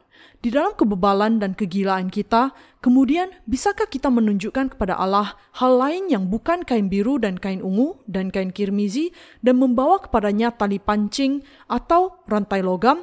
Membawa semua yang tidak berguna bagi Allah dan kemudian berkata, inilah imanku sendiri. Beginilah yang saya percaya dengan sangat yakin. Inilah iman yang kokoh yang sudah saya yakini. Ini bukanlah iman, tetapi menunjukkan kebodohan kita di hadapan Allah. Manusia harus menanggalkan sikap keras kepala mereka di hadapan Mesias. Di hadapan Allah, dengan kata lain, manusia harus membentuk kehendaknya. Kita semua harus mengenali diri kita di hadapan Allah. Kita harus mengenal sesuai dengan apa yang dikatakan Allah kepada kita dan bagaimana Ia memutuskan mengenai diri kita. Tidak satupun hal itu yang merupakan iman yang benar. Taat dan percaya kepada firman Allah adalah sikap dan hati orang-orang yang setia. Inilah yang harus senantiasa kita ingat di hadapan Allah. Di antara diri kita sendiri, tentu saja kita bisa membanggakan pencapaian kita, saling membandingkan, saling bersaing, dan saling menantang. Bahkan, hal ini juga adalah tindakan yang tidak ada gunanya kalau mengukur adanya kepentingan yang sama di hadapan Allah. Di antara manusia, ini adalah sesuatu yang tidak bisa kita hindari dan hanya bisa kita lakukan secara terus-menerus. Bahkan anak anjing mengenal tuannya dan tunduk kepada tuannya serta taat kepada mereka. Bahkan anjing dengan kata lain taat kepada pemiliknya, mengenali suaranya dan hanya mengikuti tuannya. Ketika anjing dihukum karena kesalahannya, mereka menyadari kesalahannya, menundukkan kepala dengan taat dan berusaha mendapatkan kembali kebaikan dengan tuannya dengan melakukan segala macam trik yang kecil. Bahkan ketika binatang bisa melakukan hal ini, manusia justru terus menantang Allah dengan memakai iman sesuai dengan pemikiran mereka saja. Mereka terus dengan kata lain berpegang kepada Allah, tetapi memaksakan cara mereka dan pemikiran mereka sendiri. Dengan kain biru dan kain ungu dan kain kirmizinya, Allah sudah menjadikan segala dosa manusia dilenyapkan, dan yang diperintahkannya kepada kita adalah agar kita memiliki iman yang percaya kepada karya Tuhan kita. Namun, manusia selalu melawan dan menentang Allah. Tuhan sudah memerintahkan agar kita membawa kepadanya segala dosa kita dan dengan melenyapkan semuanya melalui kain biru dan kain ungu dan kain kirmizi, ia sudah memberikan kepada kita pengampunan dosa. Ketika Allah sudah memerintahkan agar kita mempersembahkan kepadanya iman kain biru dan kain ungu dan kain kirmizi, manusia masih tidak percaya kepada hal ini dan menghina Tuhan mereka. Orang-orang itu akan menerima kutukan. Ketika mereka mempersembahkan kepada Mesias iman yang tidak dikehendakinya, ia pasti akan sangat murka. Mereka terus membawa ketegaran mereka di hadapan Allah dan berkata kepadanya, Aku sudah memelihara imanku sampai sekarang dengan baik. Pujilah saya atas pekerjaan kebaikan ini. Apakah Allah akan memuji mereka hanya karena mereka memelihara iman mereka ketika pada kenyataannya iman mereka sama sekali tidak berguna? Ada saat-saat di mana ketegaran memang pantas untuk dilakukan di dalam kehidupan kita, tetapi ketegaran iman yang keliru sama sekali tidak berguna di hadapan Allah. Allah menggunakan iman kain biru dan kain ungu dan kain kirmizi dalam membuat dosa kita lenyap. Alkitab tidak mengatakan bahwa ia hanya menggunakan kain ungu saja, atau ia menggunakan kain kirmizi saja, dan apalagi ia tidak menggunakan rantai logam sama seperti ia juga tidak akan menggunakan bahan nilon juga. Di dalam rumah Allah dan di dalam hukum keselamatannya yang diberikan kepada kita, Mesias sudah menuntut dari kita iman kain biru dan kain ungu dan kain kirmizi. Orang Kristen menunjuk kepada mereka yang percaya dan mengikuti Yesus Kristus. Kita juga disebut orang Kristen. Namun, ada banyak orang yang belum dilahirkan kembali meskipun mereka percaya kepada Yesus sebagai juru selamat mereka yang belum menerima pengampunan dosa dan yang tidak memiliki iman kain biru dan kain ungu dan kain kirmizi. Mereka hanyalah orang Kristen nominal yang ditentukan akan masuk neraka karena mereka percaya hanya menurut kehendak mereka saja. Allah akan meninggalkan orang-orang yang demikian karena mereka hanya mengaku beragama, bukan orang Kristen yang sejati. Paling tidak di hadapan Allah, kita semua harus jujur dan mengenal diri kita sebagaimana adanya. Setiap saat Tiap menit dan detik, kita harus mengakui bahwa kita ditentukan masuk neraka karena dosa-dosa kita. Di hadapan Mesias, kita semua harus memiliki iman kain biru dan kain ungu dan kain kirmizi. Percaya pada hal itu adalah tindakan yang benar. Dan setiap kali kita mengakuinya, kita harus mengingatkan diri kita sendiri tentang apa yang dilakukan Mesias bagi kita, bahwa ia sudah dibaptiskan bagi kita dan dihukum bagi dosa-dosa kita dengan penyalipannya dan mengenali keselamatan kita setiap saat. Inilah iman yang dituntut Allah dari kita. Kita tidak akan pernah bisa menyenangkan Allah kecuali kalau kita melakukan tepat seperti yang dikehendaki oleh Mesias bagi kita. Mengapa? Karena seperti ia sudah menjadi juru selamat kita yang kekal melalui kain biru dan kain ungu dan kain kirmizinya, kita harus percaya setiap saat kepada apa yang dilakukan Allah bagi kita. Karena iman kain biru dan kain ungu dan kain kirmizi memang benar, kita semakin memerlukannya bagi pengampunan dosa yang kita sendiri lakukan setiap hari. Apakah Allah akan berkenan kalau kita mempersembahkan hasil usaha kita sendiri? Kalau kita mempersembahkan kepada Allah perkara-perkara dunia, kita tidak hanya akan menumpukan murka Allah atas kita, kita juga sedang melakukan dosa besar dengan senantiasa melawan Dia. Iman yang demikian sangat berbahaya, karena ia melawan Allah. Tidak ada di dalam dunia ini, tidak peduli bagaimanapun indah dan mahal kelihatannya, yang bisa menyenangkan Allah. Mempersembahkan kepada Allah hal-hal materi dunia ini tidak akan pernah menjadi iman yang benar yang bisa dipuji oleh Allah. Tidak peduli betapapun baik semuanya itu dalam pandangan dunia, Allah tidak pernah menerima hal-hal materi yang demikian. Kita harus memiliki iman yang sungguh-sungguh dikehendaki Allah bagi kita dan memberikan kepadanya iman ini. Iman kita haruslah yang percaya kepada firman Allah sebagaimana adanya yang mempersembahkan persembahan yang benar yang dikehendaki Allah dari kita. Pada saat yang sama, sejalan dengan waktu, kita juga harus mengakui kelemahan kita dan kekurangan kita juga. Kita harus ingat berlimpahnya berkat yang dicurahkan Allah kepada kita dan kita harus sungguh-sungguh memahami serta percaya kepada apa yang dilakukan Allah kepada kita bahwa ia sudah rela bertemu dengan kita. Kita harus membuang semua iman mistikisme dan kita hanya harus memiliki iman yang percaya kepada firman yang dikatakan Allah. Persembahan iman inilah yang harus kita berikan kepada Allah. Hanya kalau kita memberikan kepada Allah persembahan iman yang benar saja, maka Ia akan berkenan, bertemu dengan kita, dan menerima iman kita. Dan ketika kita melakukan hal itu, Allah akan memberikan kepada kita berkat-berkat yang sudah ditetapkan dan dipersiapkan bagi kita. Ketika kita berdiam di dalam firman, kita kemudian harus merenungkan, apakah iman yang sungguh-sungguh dikehendaki Allah dari kita? Doa apa yang sebenarnya doa yang dikehendakinya? Kita kemudian menyadari bahwa doa yang dikehendaki Allah dari kita tidak lain dari doa di dalam iman. Tuhan kita menghendaki dari kita doa yang dipersembahkan di dalam iman kepada keselamatan kain biru dan kain ungu dan kain kirmizi di dalam iman yang sudah menerima apa yang Allah berikan kepada kita. Yang dikehendaki Allah adalah doa penuh ucapan syukur dalam iman kita. Ia tidak akan pernah menerima apa pun buatan kita yang kita usahakan untuk kita berikan kepadanya atau kita letakkan di kakinya. Kita semua harus menyadari bahwa kita tidak boleh melakukan hal ini. Allah mengatakan kepada kita, "Bukan, bukan, Bukan itu iman yang aku kehendaki darimu. Aku dibaptiskan dan disalibkan untukmu. Aku menerima baptisan untuk membuat segala dosamu dilenyapkan. Karena aku harus menanggung segala dosamu di atas diriku sebelum aku dihukum atas dosa-dosa itu dan mati di kayu salib. Aku juru selamatmu, tetapi aku pada dasarnya juga Allahmu. Aku raja segala raja, tetapi aku juga Allahmu. Aku datang ke dunia ini dan menggenapi semuanya. Aku ingin kamu percaya kepadaku dengan sungguh-sungguh untuk mengakui kekuasaanku di dalam hatimu dan mengakui dengan sepenuh hati bahwa aku sungguh-sungguh Allahmu. Dengan maksud inilah Allah memberikan kepada kita kain biru dan kain ungu, kain kirmizi, dan dari lenan halus yang dipintal benangnya. Dan inilah iman yang dituntut Allah dari kita. Kita harus sungguh-sungguh memiliki kain biru dan kain ungu dan kain kirmizi ini. Kita mungkin berpikir, ya, ini bisa dijalani Aku masih cukup baik-baik saja dan semuanya juga berjalan dengan baik.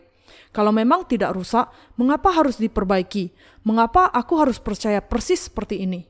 Kalaupun aku percaya begini atau percaya begitu, bukankah itu sama saja? Tidak, itu bukan sama. Kalau Anda memiliki iman yang lain dari iman ini di dalam hati Anda, maka Anda sama sekali belum diselamatkan. Karena di dalam hati yang demikian, dosa masih ditemukan. Anda harus membalikkan hati Anda dan kembali kepada iman yang sungguh-sungguh percaya kepada Injil, air, dan roh. Hati orang-orang yang sungguh-sungguh percaya kepada Injil yang sejati dan yang pada dasarnya tidak percaya sangat berbeda satu dengan lainnya. Allah tahu akan hal ini, dan kita juga tahu kita yang sudah dilahirkan kembali. Ketika Anda mengenal diri Anda sendiri, Anda harus berbalik. Allah, aku memang penuh dosa. Tolong selamatkan aku. Ketika Anda kemudian membalikkan hati Anda dan mencari keselamatan Anda, Allah akan bertemu dengan Anda dengan kebenarannya. Tuhan kita sudah menyelamatkan kita dari dosa kita. Tuhan kita dibaptiskan dan disalibkan bagi kita. Sama seperti yang tertulis di dalam Matius pasal 3, inilah yang dilakukan Tuhan bagi kita. Kita percaya kepada hal itu. Kita bersyukur untuk itu. Ketika Yesus dibaptiskan, segala dosa kita ditanggungkan kepadanya. Ketika ia disalibkan, itu adalah karena ia menanggung segala dosa sehingga ia bisa membawa dosa-dosa itu ke atas kayu salib.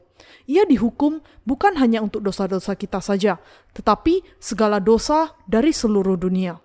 Ketika Tuhan kita memerintahkan kita untuk membawa kepadanya persembahan berupa bahan-bahan untuk kemah suci, atau kapan saja ia memerintahkan kita untuk melakukan sesuatu, ia selalu menyebutkan secara berurutan. Ia mengatakan kepada kita, Bawa kepadaku kain biru dan kain ungu dan kain kirmizi. Kain biru selalu disebut terlebih dahulu dan ia meneruskannya dengan menyebutkan kain lenan halus yang menjelaskan supaya kita percaya kepada firman Allah. Percaya darah di kayu salib terlebih dahulu dan kemudian kepada baptisan Yesus nampaknya secara sepintas tidak masalah, tetapi ini sebenarnya keliru karena Yesus terlebih dahulu dibaptis sehingga ia bisa mencurahkan darahnya di kayu salib.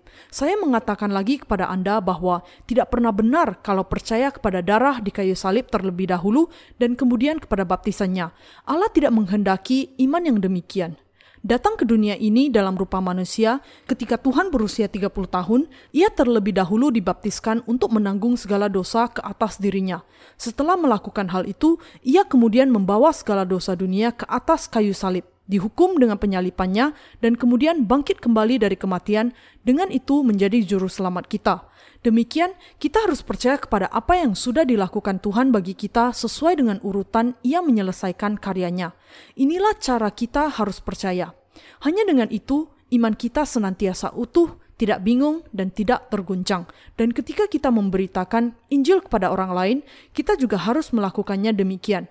Kita harus percaya dengan kata lain sesuai dengan apa yang menyenangkan Allah, sesuai dengan bagaimana Ia menetapkannya bagi kita.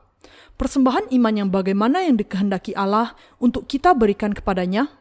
Bukankah ia memerintahkan Anda membawa iman kain biru dan kain ungu, kain kirmizi dan dari lenan halus yang dipintal benangnya? Apakah Anda memiliki iman ini? Tidakkah Anda, entah karena apa, sedang membalikkan urutannya? Apakah saya percaya dengan cara ini atau cara yang lain tidak masalah? Saya masih percaya, dan itu saja yang penting. Saya percaya kepada kain kirmizi dulu, dan kemudian kain biru, dan yang terakhir kain ungu.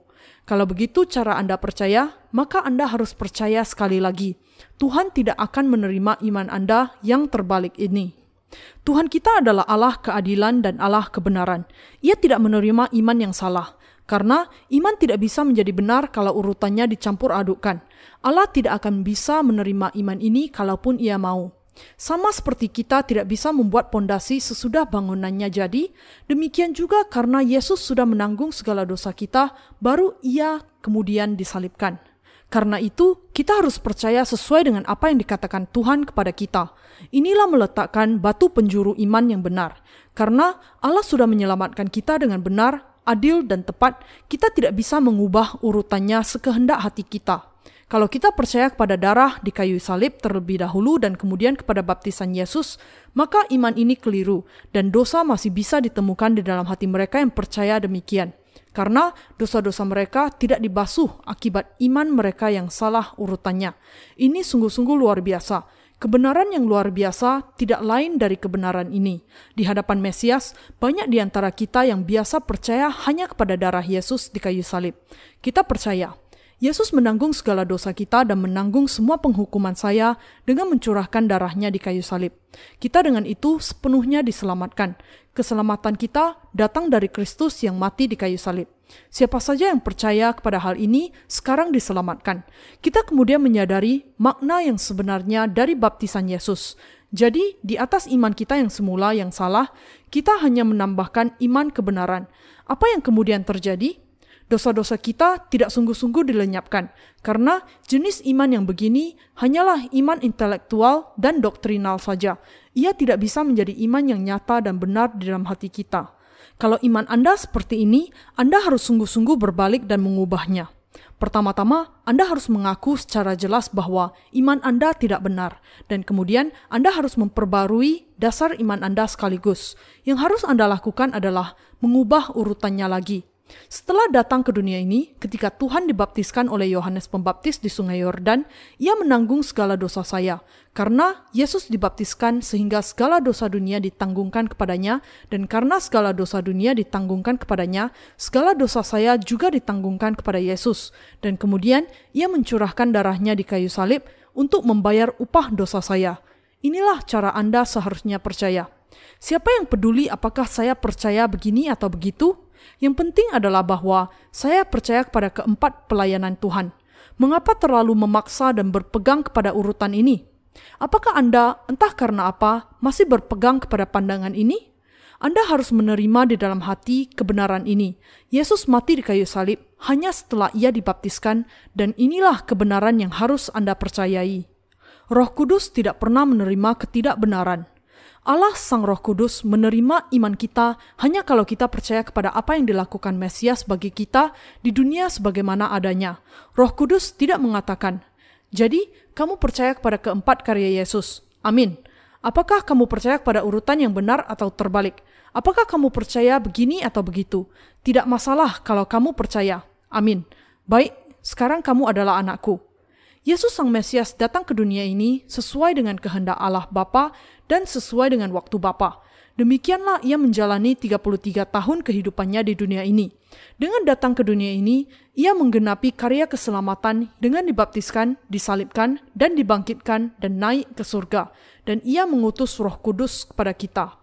Allah Sang Roh Kudus berdiam di dalam hati mereka yang sudah menerima pengampunan dosa, dan Ia menerima iman mereka yang percaya kepada apa yang sudah dikerjakan Tuhan bagi mereka sebagaimana adanya.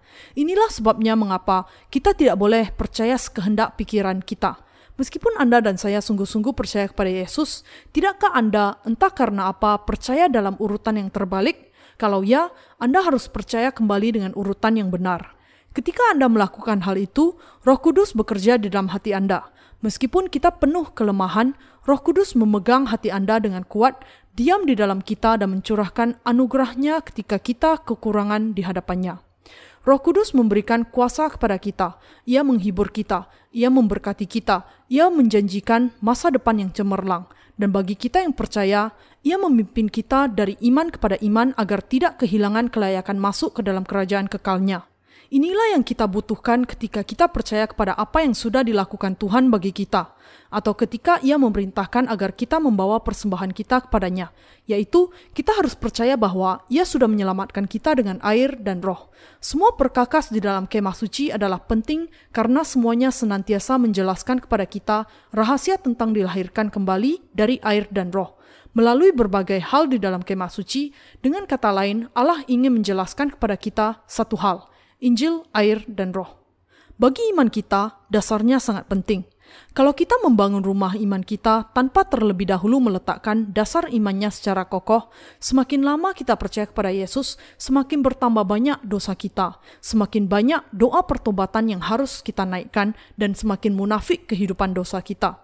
Tetapi ketika kita percaya kepada anugerah keselamatan bahwa Tuhan kita sudah menyelamatkan kita dengan kain biru dan kain ungu, kain kirmizi, dan dari lenan halus yang dipintal benangnya, maka kita semua bisa menjadi anak-anak Allah yang sempurna. Karena itu, kita semua harus percaya dengan kebenaran kain biru dan kain ungu, kain kirmizi, dan dari lenan halus yang dipintal benangnya, dan dengan demikian kita harus menjadi anak-anak Allah. Orang-orang yang dasar imannya penuh bisa senantiasa membawa keimaman mereka dengan terang yang benderang, meskipun mereka memiliki banyak kekurangan. Mereka bisa dengan kata lain menggenapi semua tugas keimaman pada saat memeluk semua manusia di dunia ini, berdoa kepada Allah untuk pengampunan dosa mereka dan melayani Injil di hadapan Allah. Sebaliknya, bagi mereka yang dasar imannya tidak jelas, semakin lama mereka menjadi semakin munafik. Mereka menjadi jahat, mereka menjadi orang beragama yang semakin munafik.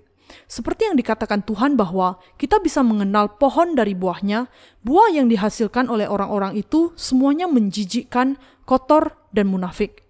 Namun, orang-orang yang sudah dilahirkan kembali sama sekali tidak munafik. Mereka penuh kebenaran. Meskipun mereka memiliki kelemahan, mereka sungguh-sungguh tulus. Mereka mengakui kelemahan dan kesalahan mereka, dan mereka senantiasa hidup di tengah cahaya terang. Karena Tuhan kita sudah dibaptiskan untuk menghapuskan dosa-dosa kita, dan karena Ia memang sudah membuat dosa-dosa kita terhapus, dengan percaya kepada kebenaran ini, kita sudah menerima pengampunan dosa kita.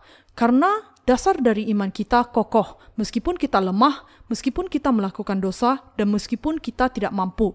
Hidup kita tetap bercahaya karena hati kita senantiasa tidak berdosa. Karena kekurangan kita, mungkin kadangkala kita menyimpang, tetapi karena kita sungguh-sungguh tidak berdosa, kita tidak menyimpang untuk membawa orang lain dan diri kita sendiri kepada kebinasaan. Meskipun kita tidak mampu, kita tetap berjalan di jalan yang menyenangkan Allah, maju ke depan selangkah demi selangkah, dan semakin melayani Injil. Ini semua bisa terjadi karena Yesus sudah menyelamatkan kita secara sempurna. Kalau Yesus Kristus, Mesias kita dan Juru Selamat kita, tidak menyelamatkan kita secara sempurna dengan keempat tenunan, kita tidak akan pernah bisa diselamatkan sama sekali. Karena ia sudah menyelamatkan kita sehingga kita bisa diselamatkan. Dan karena kita percaya, memberitakan Injil dan memuji Allah di dalam iman kita. Dengan iman kita saja, kita bersyukur kepada Allah. Dengan iman, kita melayani Dia, dan dengan iman, kita mengikuti Dia. Ini adalah keadaan kita yang sekarang. Kita sudah, dengan kata lain, menjadi orang yang berkenan kepada Allah dengan iman kita. Kita sudah menjadi orang yang dasar imannya berdiri teguh. Orang yang dasar imannya tidak diletakkan dengan baik, harus meletakkannya lagi. Itulah sebabnya Ibrani pasal 6 ayat 1 sampai 2 mengatakan, Sebab itu, marilah kita tinggalkan asas-asas pertama dari ajaran tentang Kristus dan beralih kepada perkembangannya yang penuh. Janganlah kita meletakkan lagi dasar pertobatan dari perbuatan-perbuatan yang sia-sia dan dasar kepercayaan kepada Allah, yaitu ajaran tentang berbagai pembaptisan, penumpangan tangan, kebangkitan orang-orang mati, dan hukuman kekal. Apa yang dijelaskan dalam ayat itu? Dijelaskan agar kita bisa mengerti dan memastikan dan untuk dengan kokoh meletakkan dasar bagi pertanyaan seperti mengapa Yesus dibaptiskan? Apakah baptisan adalah sama dengan penumpangan tangan di perjanjian lama? Apakah kita akan hidup kembali? Dan apakah penghukuman kekal? Dijelaskan bahwa kita harus memiliki iman yang penuh dan meletakkan dasarnya dengan kokoh dari sejak awalnya, sehingga kita tidak akan tergoncang ataupun dipaksa untuk mengulangi lagi meletakkan dasar sekali lagi. Iman yang percaya kepada kain biru dan kain ungu, kain kirmizi dan dari lenan halus yang dipintal benangnya adalah iman yang penuh yang percaya bahwa Tuhan sudah menyelamatkan kita sepenuhnya dengan sempurna. Kita harus berdiri teguh di atas dasar iman ini, dan kita harus memulai dari sana dalam perlombaan kita. Kita harus berlari dalam perlombaan iman. Beberapa orang mengartikan ayat dari surat Ibrani di atas dengan menyebutkan bahwa kita tidak bisa mengatakan kalau dosa-dosa kita ditanggungkan kepada Yesus melalui baptisannya dan bahwa ayat di atas menjelaskan bahwa kita tidak perlu membangun dasar iman lagi. Tetapi, apakah Allah akan mengatakan kepada kita untuk tidak membangun kembali dasar iman kita kalau memang sudah dibangun dengan benar? Ayat ini menjelaskan bahwa mereka yang tidak memiliki dasar iman yang benar harus meletakkan dasarnya, dan bahwa mereka yang memiliki dasar iman yang benar harus membuatnya semakin kokoh dan teguh dan maju ke depan. Untuk menyelamatkan kita, Allah memerintahkan Musa untuk membangun kemah suci dan menerima persembahan dari umatnya. Untuk bangsa Israel, ia memerintahkan mereka membawa emas, perak, dan tembaga, kain biru dan kain ungu, kain kirmizi dan dari lenan halus yang dipintal benangnya, bulu kambing jantan, kulit domba jantan yang diwarnai merah, kulit lumba-lumba dan kayu penaga. Sama seperti yang dilambangkan oleh semua bahan itu, Tuhan kita memang memberikan kepada kita anugerah keselamatan dengan membebaskan Anda dan saya dari segala dosa dunia. Dengan cara ini, Allah sudah sungguh-sungguh memerintahkan bangsa Israel untuk membawa persembahan itu kepadanya, membangun kemah suci, menetapkan sistem korban, dan mengampuni dosa-dosa orang Israel yang memberikan kepadanya korban persembahan sesuai dengan persyaratan di dalam sistem korban. Iman kita dilengkapi dalam kain biru dan kain ungu, kain kirmizi, dan dari lenan halus yang dipintal benangnya yang menubuatkan penggenapan keselamatan kita oleh Yesus Kristus. Kalau kita tidak percaya kepada kebenaran sempurna yang digenapi oleh Yesus Kristus, tidak meletakkan dasar iman kita dengan kokoh sekaligus, iman kita akan senantiasa terguncang. Tanpa pengetahuan, kesadaran, dan iman kepada kenyataan bahwa Tuhan kita sudah menyelamatkan kita secara sempurna, kita akhirnya akan berusaha mencapai keselamatan dengan upaya kita sendiri. Iman yang demikian tidak lengkap, tetapi salah. Mari kita membuka Ibrani pasal 10 ayat 26 sampai 31. Sebab jika kita sengaja berbuat dosa, sesudah memperoleh pengetahuan tentang kebenaran, maka tidak ada lagi korban untuk menghapus dosa itu, Tetapi yang ada ialah kematian yang mengerikan akan penghakiman dan api yang dahsyat yang akan menghanguskan semua orang durhaka. Jika ada orang yang menolak hukum Musa, ia dihukum mati tanpa belas kasihan atas keterangan dua atau tiga orang saksi. Betapa lebih beratnya hukuman yang harus dijatuhkan atas dia yang menginjak-injak anak Allah yang menganggap najis darah perjanjian yang menguduskannya dan yang menghina roh kasih karunia Sebab kita mengenal dia yang berkata, pembalasan adalah hakku, akulah yang akan menuntut pembalasan. Dan lagi, Tuhan akan menghakimi umatnya. Ngeri benar kalau jatuh di dalam tangan Allah yang hidup. Ayat di atas menjelaskan bahwa kalau kita sengaja berdosa setelah kita menerima pengetahuan tentang kebenaran, maka tidak akan ada lagi korban untuk dosa kita, tetapi hanya ada penghukuman yang mengerikan. Di sini, orang yang sengaja melakukan dosa setelah menerima pengetahuan tentang kebenaran menunjukkan kepada orang-orang yang tidak percaya kepada Injil, air, dan Roh, meskipun mereka sudah mengenalnya. Kita harus percaya kepada kebenaran bahwa Allah menyelamatkan kita dengan kain biru dan kain ungu, kain kirmizi dan dari lenan halus yang dipintal benangnya, dan bahwa Ia menyelamatkan kita dengan emas, perak, dan tembaga dan bahwa ia membuat atap kemah suci dengan penutup kain biru dan kain ungu, kain kirmizi dan dari lenan halus yang dipintal benangnya, bulu kambing jantan, kulit domba jantan yang diwarnai merah dan kulit lumba-lumba. Kita semua harus mengenal hal itu dengan jelas dan meletakkan dasar iman kita secara tegas. Tuhan kita berjanji bahwa Ia akan menyelamatkan kita sepenuhnya, dan ketika saatnya tiba, Ia dibaptiskan untuk menanggung segala dosa kita ke atas dirinya, mati di kayu salib, bangkit kembali dari kematian, dan dengan itu menyelamatkan kita sepenuhnya. Kita kemudian diselamatkan secara sempurna di dalam Yesus Kristus yang meletakkan dasar bagi keselamatan kita sepenuhnya. Tetapi mereka yang tahu kebenaran ini dan tetap tidak percaya pasti akan menghadapi penghukuman Allah yang mengerikan di hari penghakiman terakhir. Tubuh mereka tidak akan mati tetapi menderita sampai selamanya. Alkitab menjelaskan bahwa akan ada penyiksaan yang mengerikan untuk mereka dan penderitaan mereka di neraka akan begitu besar yang digambarkan seperti dibumbui dengan api. Markus pasal 9 ayat 49. Di sana dikatakan bahwa hanya akan ada penghukuman yang menakutkan dan penyiksaan yang mengerikan yang akan menimpa para penyesat itu. Ketika kegagalan untuk taat kepada hukum Taurat membawa kepada penghukuman yang mengerikan, betapa besarnya hukuman bagi mereka yang tidak percaya kepada keselamatan yang diberikan oleh Anak Allah Inilah sebabnya kita harus percaya kepada Yesus Kristus sebagai juru selamat kita di dalam Tuhan yang datang ke dunia dalam rupa manusia yang menanggung segala dosa ke atas dirinya melalui baptisannya yang membawa segala dosa dunia ke atas kayu salib dan menanggung penghukuman atas dosa dengan penyalibannya yang bangkit dari kematian dan yang sekarang hidup. Dasar iman kita harus diletakkan dengan kokoh. Mengapa Allah memerintahkan Musa untuk membangun kemah suci? Ketika kita memperhatikan masing-masing dan setiap bahan yang dipakai untuk kemah suci, kita bisa melihat bahwa semuanya menyatakan kebenaran bahwa Yesus Kristus datang ke dunia ini di dalam rupa manusia, menanggung segala dosa ke atas dirinya dengan baptisan yang diterimanya dari Yohanes Pembaptis, membawa dosa-dosa dunia ke kayu salib dan mati di sana, bangkit kembali dari kematian, naik ke surga dan duduk di sebelah kanan tata Allah Bapa dan sekarang sudah menjadi Allah kekal kita. Dari tiang-tiang dan alas tembaga untuk tiang itu, semua bahan di kemah suci menunjukkan kepada kita kebenaran Injil.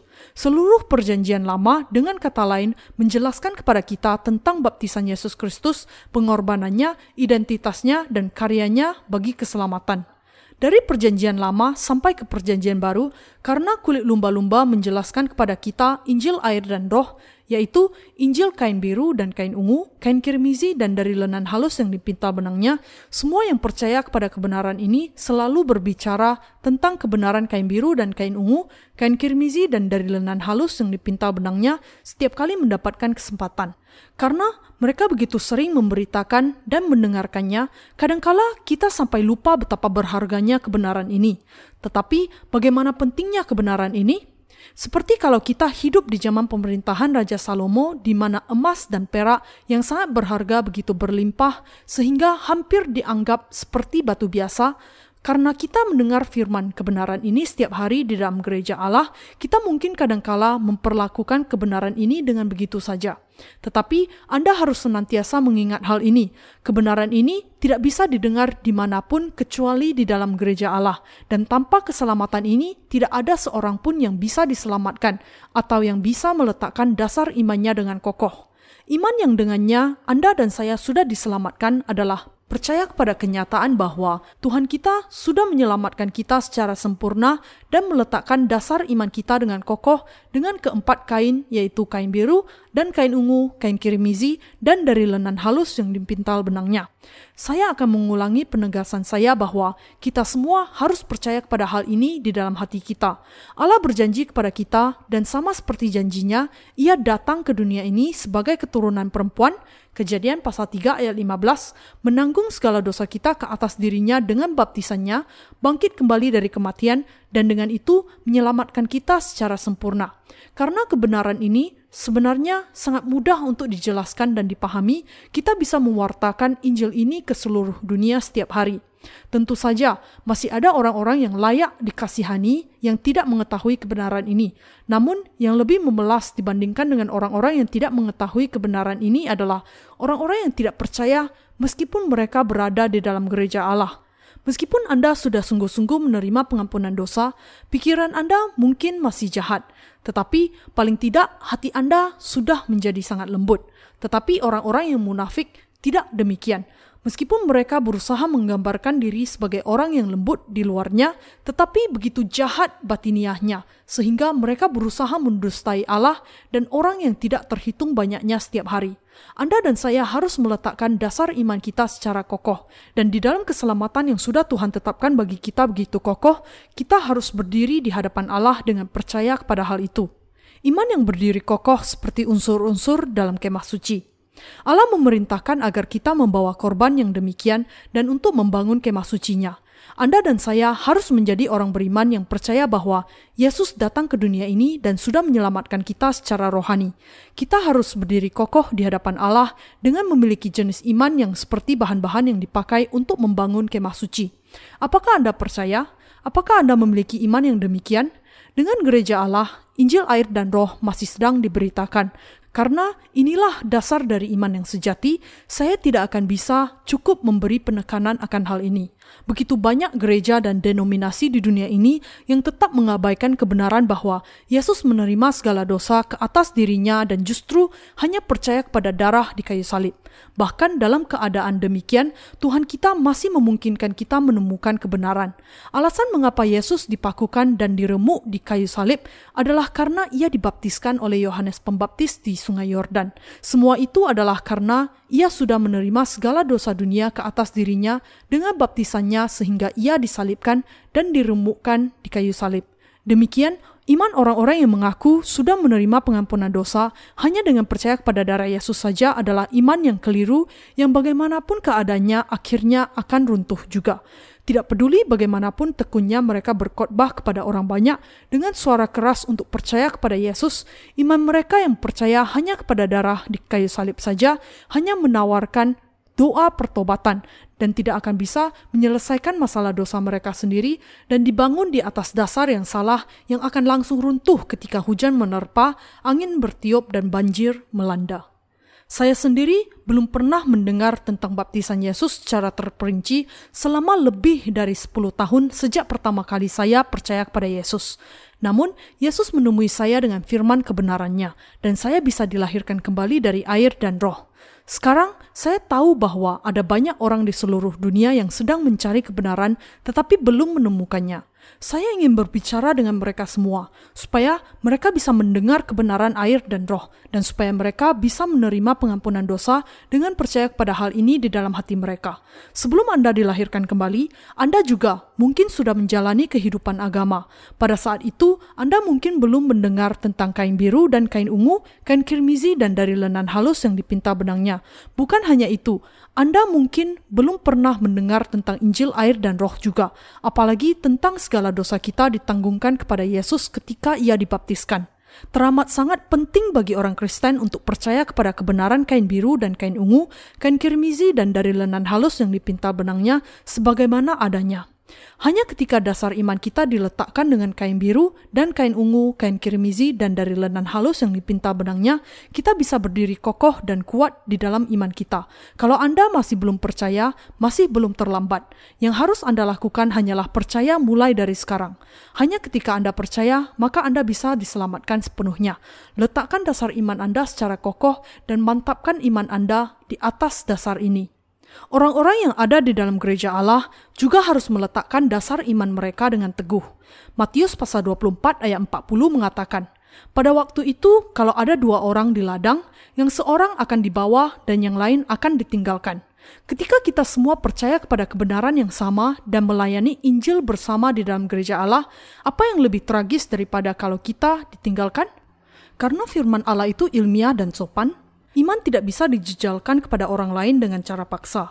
Kalau Anda mendengar firman Allah yang disampaikan dengan sopan kepada Anda, Anda harus percaya kepada hal itu dengan akal yang sehat, memusatkan pikiran Anda kepada kenyataan bahwa Anda memang sedang mendengarkan firman Allah.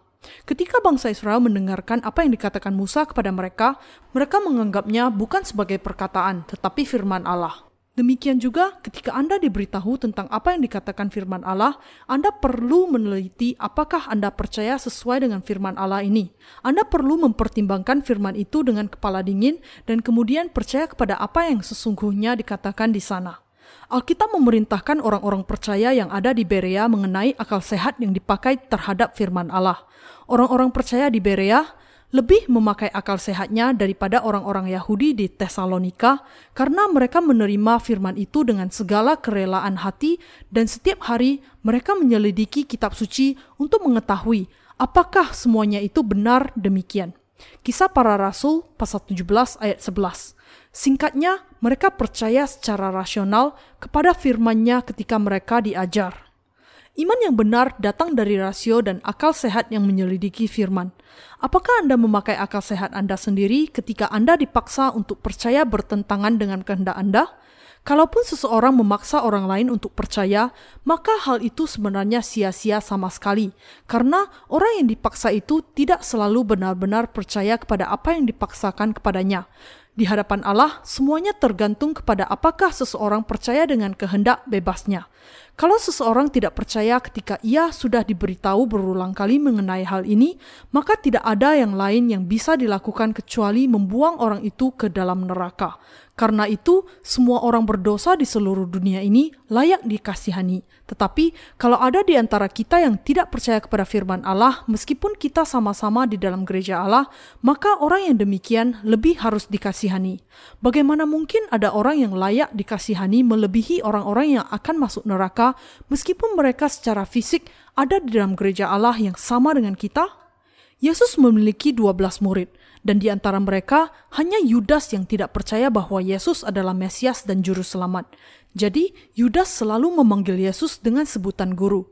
Petrus juga biasa memanggil Yesus sebagai guru, tetapi akhirnya ia percaya dan berkata, "Tuhan, Engkau adalah Kristus dan Anak Allah. Engkau adalah Anak Allah." Juru selamat yang datang untuk melenyapkan segala dosaku. Engkau adalah Allah keselamatan. Iman Petrus dengan kata lain berbeda dengan iman Yudas. Setelah Yudas mengkhianati Yesus dan menjualnya, ia bunuh diri. Meskipun Yudas selalu bersama dengan sebelas murid yang lain, pada akhirnya ia tidak bisa mengenal Yesus Kristus sebagaimana adanya, dan kemudian berakhir dengan masuk neraka. Petrus sebaliknya diselamatkan dengan mengenali Yesus Kristus dan percaya kepadanya sebagai juru selamatnya meskipun ia memang orang yang tidak sabar karena kelemahannya. Demikian juga keselamatan bergantung kepada apakah seseorang mengenal kebenaran dan percaya kepada hal itu di dalam hatinya atau tidak. Seseorang tidak bisa percaya kepada kebenaran kalau ia tidak mengenalnya. Namun, kalau orang tidak percaya kepada kebenaran meskipun mereka mengenalnya, mereka akan menghadapi penghukuman yang lebih besar. Lukas pasal 12 ayat 48. Inilah sebabnya Allah mengatakan bahwa dasar iman kita haruslah kokoh dan benar. Bagaimanakah iman kita? Apakah dasar iman kita sudah dikuatkan sekarang? Apakah dasarnya sudah kokoh? Apakah Anda percaya bahwa Tuhan sudah sungguh-sungguh menyelamatkan Anda melalui air dan roh Tuhan kita memang sudah sangat pasti menyelamatkan kita. Ini bukan hanya sesuatu yang khusus diajarkan oleh denominasi kami saja, tetapi inilah yang dijanjikan Allah di dalam Perjanjian Lama dan yang sungguh-sungguh digenapi oleh Yesus di dalam Perjanjian Baru, yaitu beginilah caranya Kristus sungguh-sungguh menyelamatkan kita. Yesus Kristus adalah Raja segala raja, kain ungu yang datang ke dunia ini dalam rupa manusia, menanggung segala dosa ke atas dirinya dengan baptisannya, kain biru, membawa segala dosa itu ke kayu salib dan disalibkan. Kain kirmizi bangkit kembali dari kematian dan dengan itu menyelamatkan kita. Ia berjanji bahwa ia akan melakukan hal itu di dalam perjanjian lama dan ia sudah menyelamatkan kita dengan menggenapi janji itu di dalam perjanjian baru. Apakah Anda percaya? Hal ini tidak lain dari meletakkan dasar yang teguh untuk iman. Ada ratusan juta orang Kristen di dunia ini, tetapi kebanyakan di antara mereka dasar imannya sangat rapuh. Kita bisa menemukan apakah seseorang memiliki iman yang benar atau tidak hanya dengan melihat buku-buku Kristen yang ada saat ini. Penulis-penulis buku itu biasanya para pemimpin di dalam lingkungan Kristen, dan dengan membaca buku-buku mereka, kita bisa melihat apakah mereka memiliki pemahaman yang benar akan kebenaran atau tidak. Kalau bahkan ada satu saja pemimpin itu yang tidak mengetahui atau tidak percaya kepada kebenaran, kalaupun ia mengetahuinya, maka semua orang yang mengikuti pemimpin itu bisa dipastikan akan masuk neraka. Kenyataan yang menyedihkan adalah bahwa hanya sedikit saja orang yang mengenal kebenaran ini, yang jumlahnya hanya sekitar satu juta saja.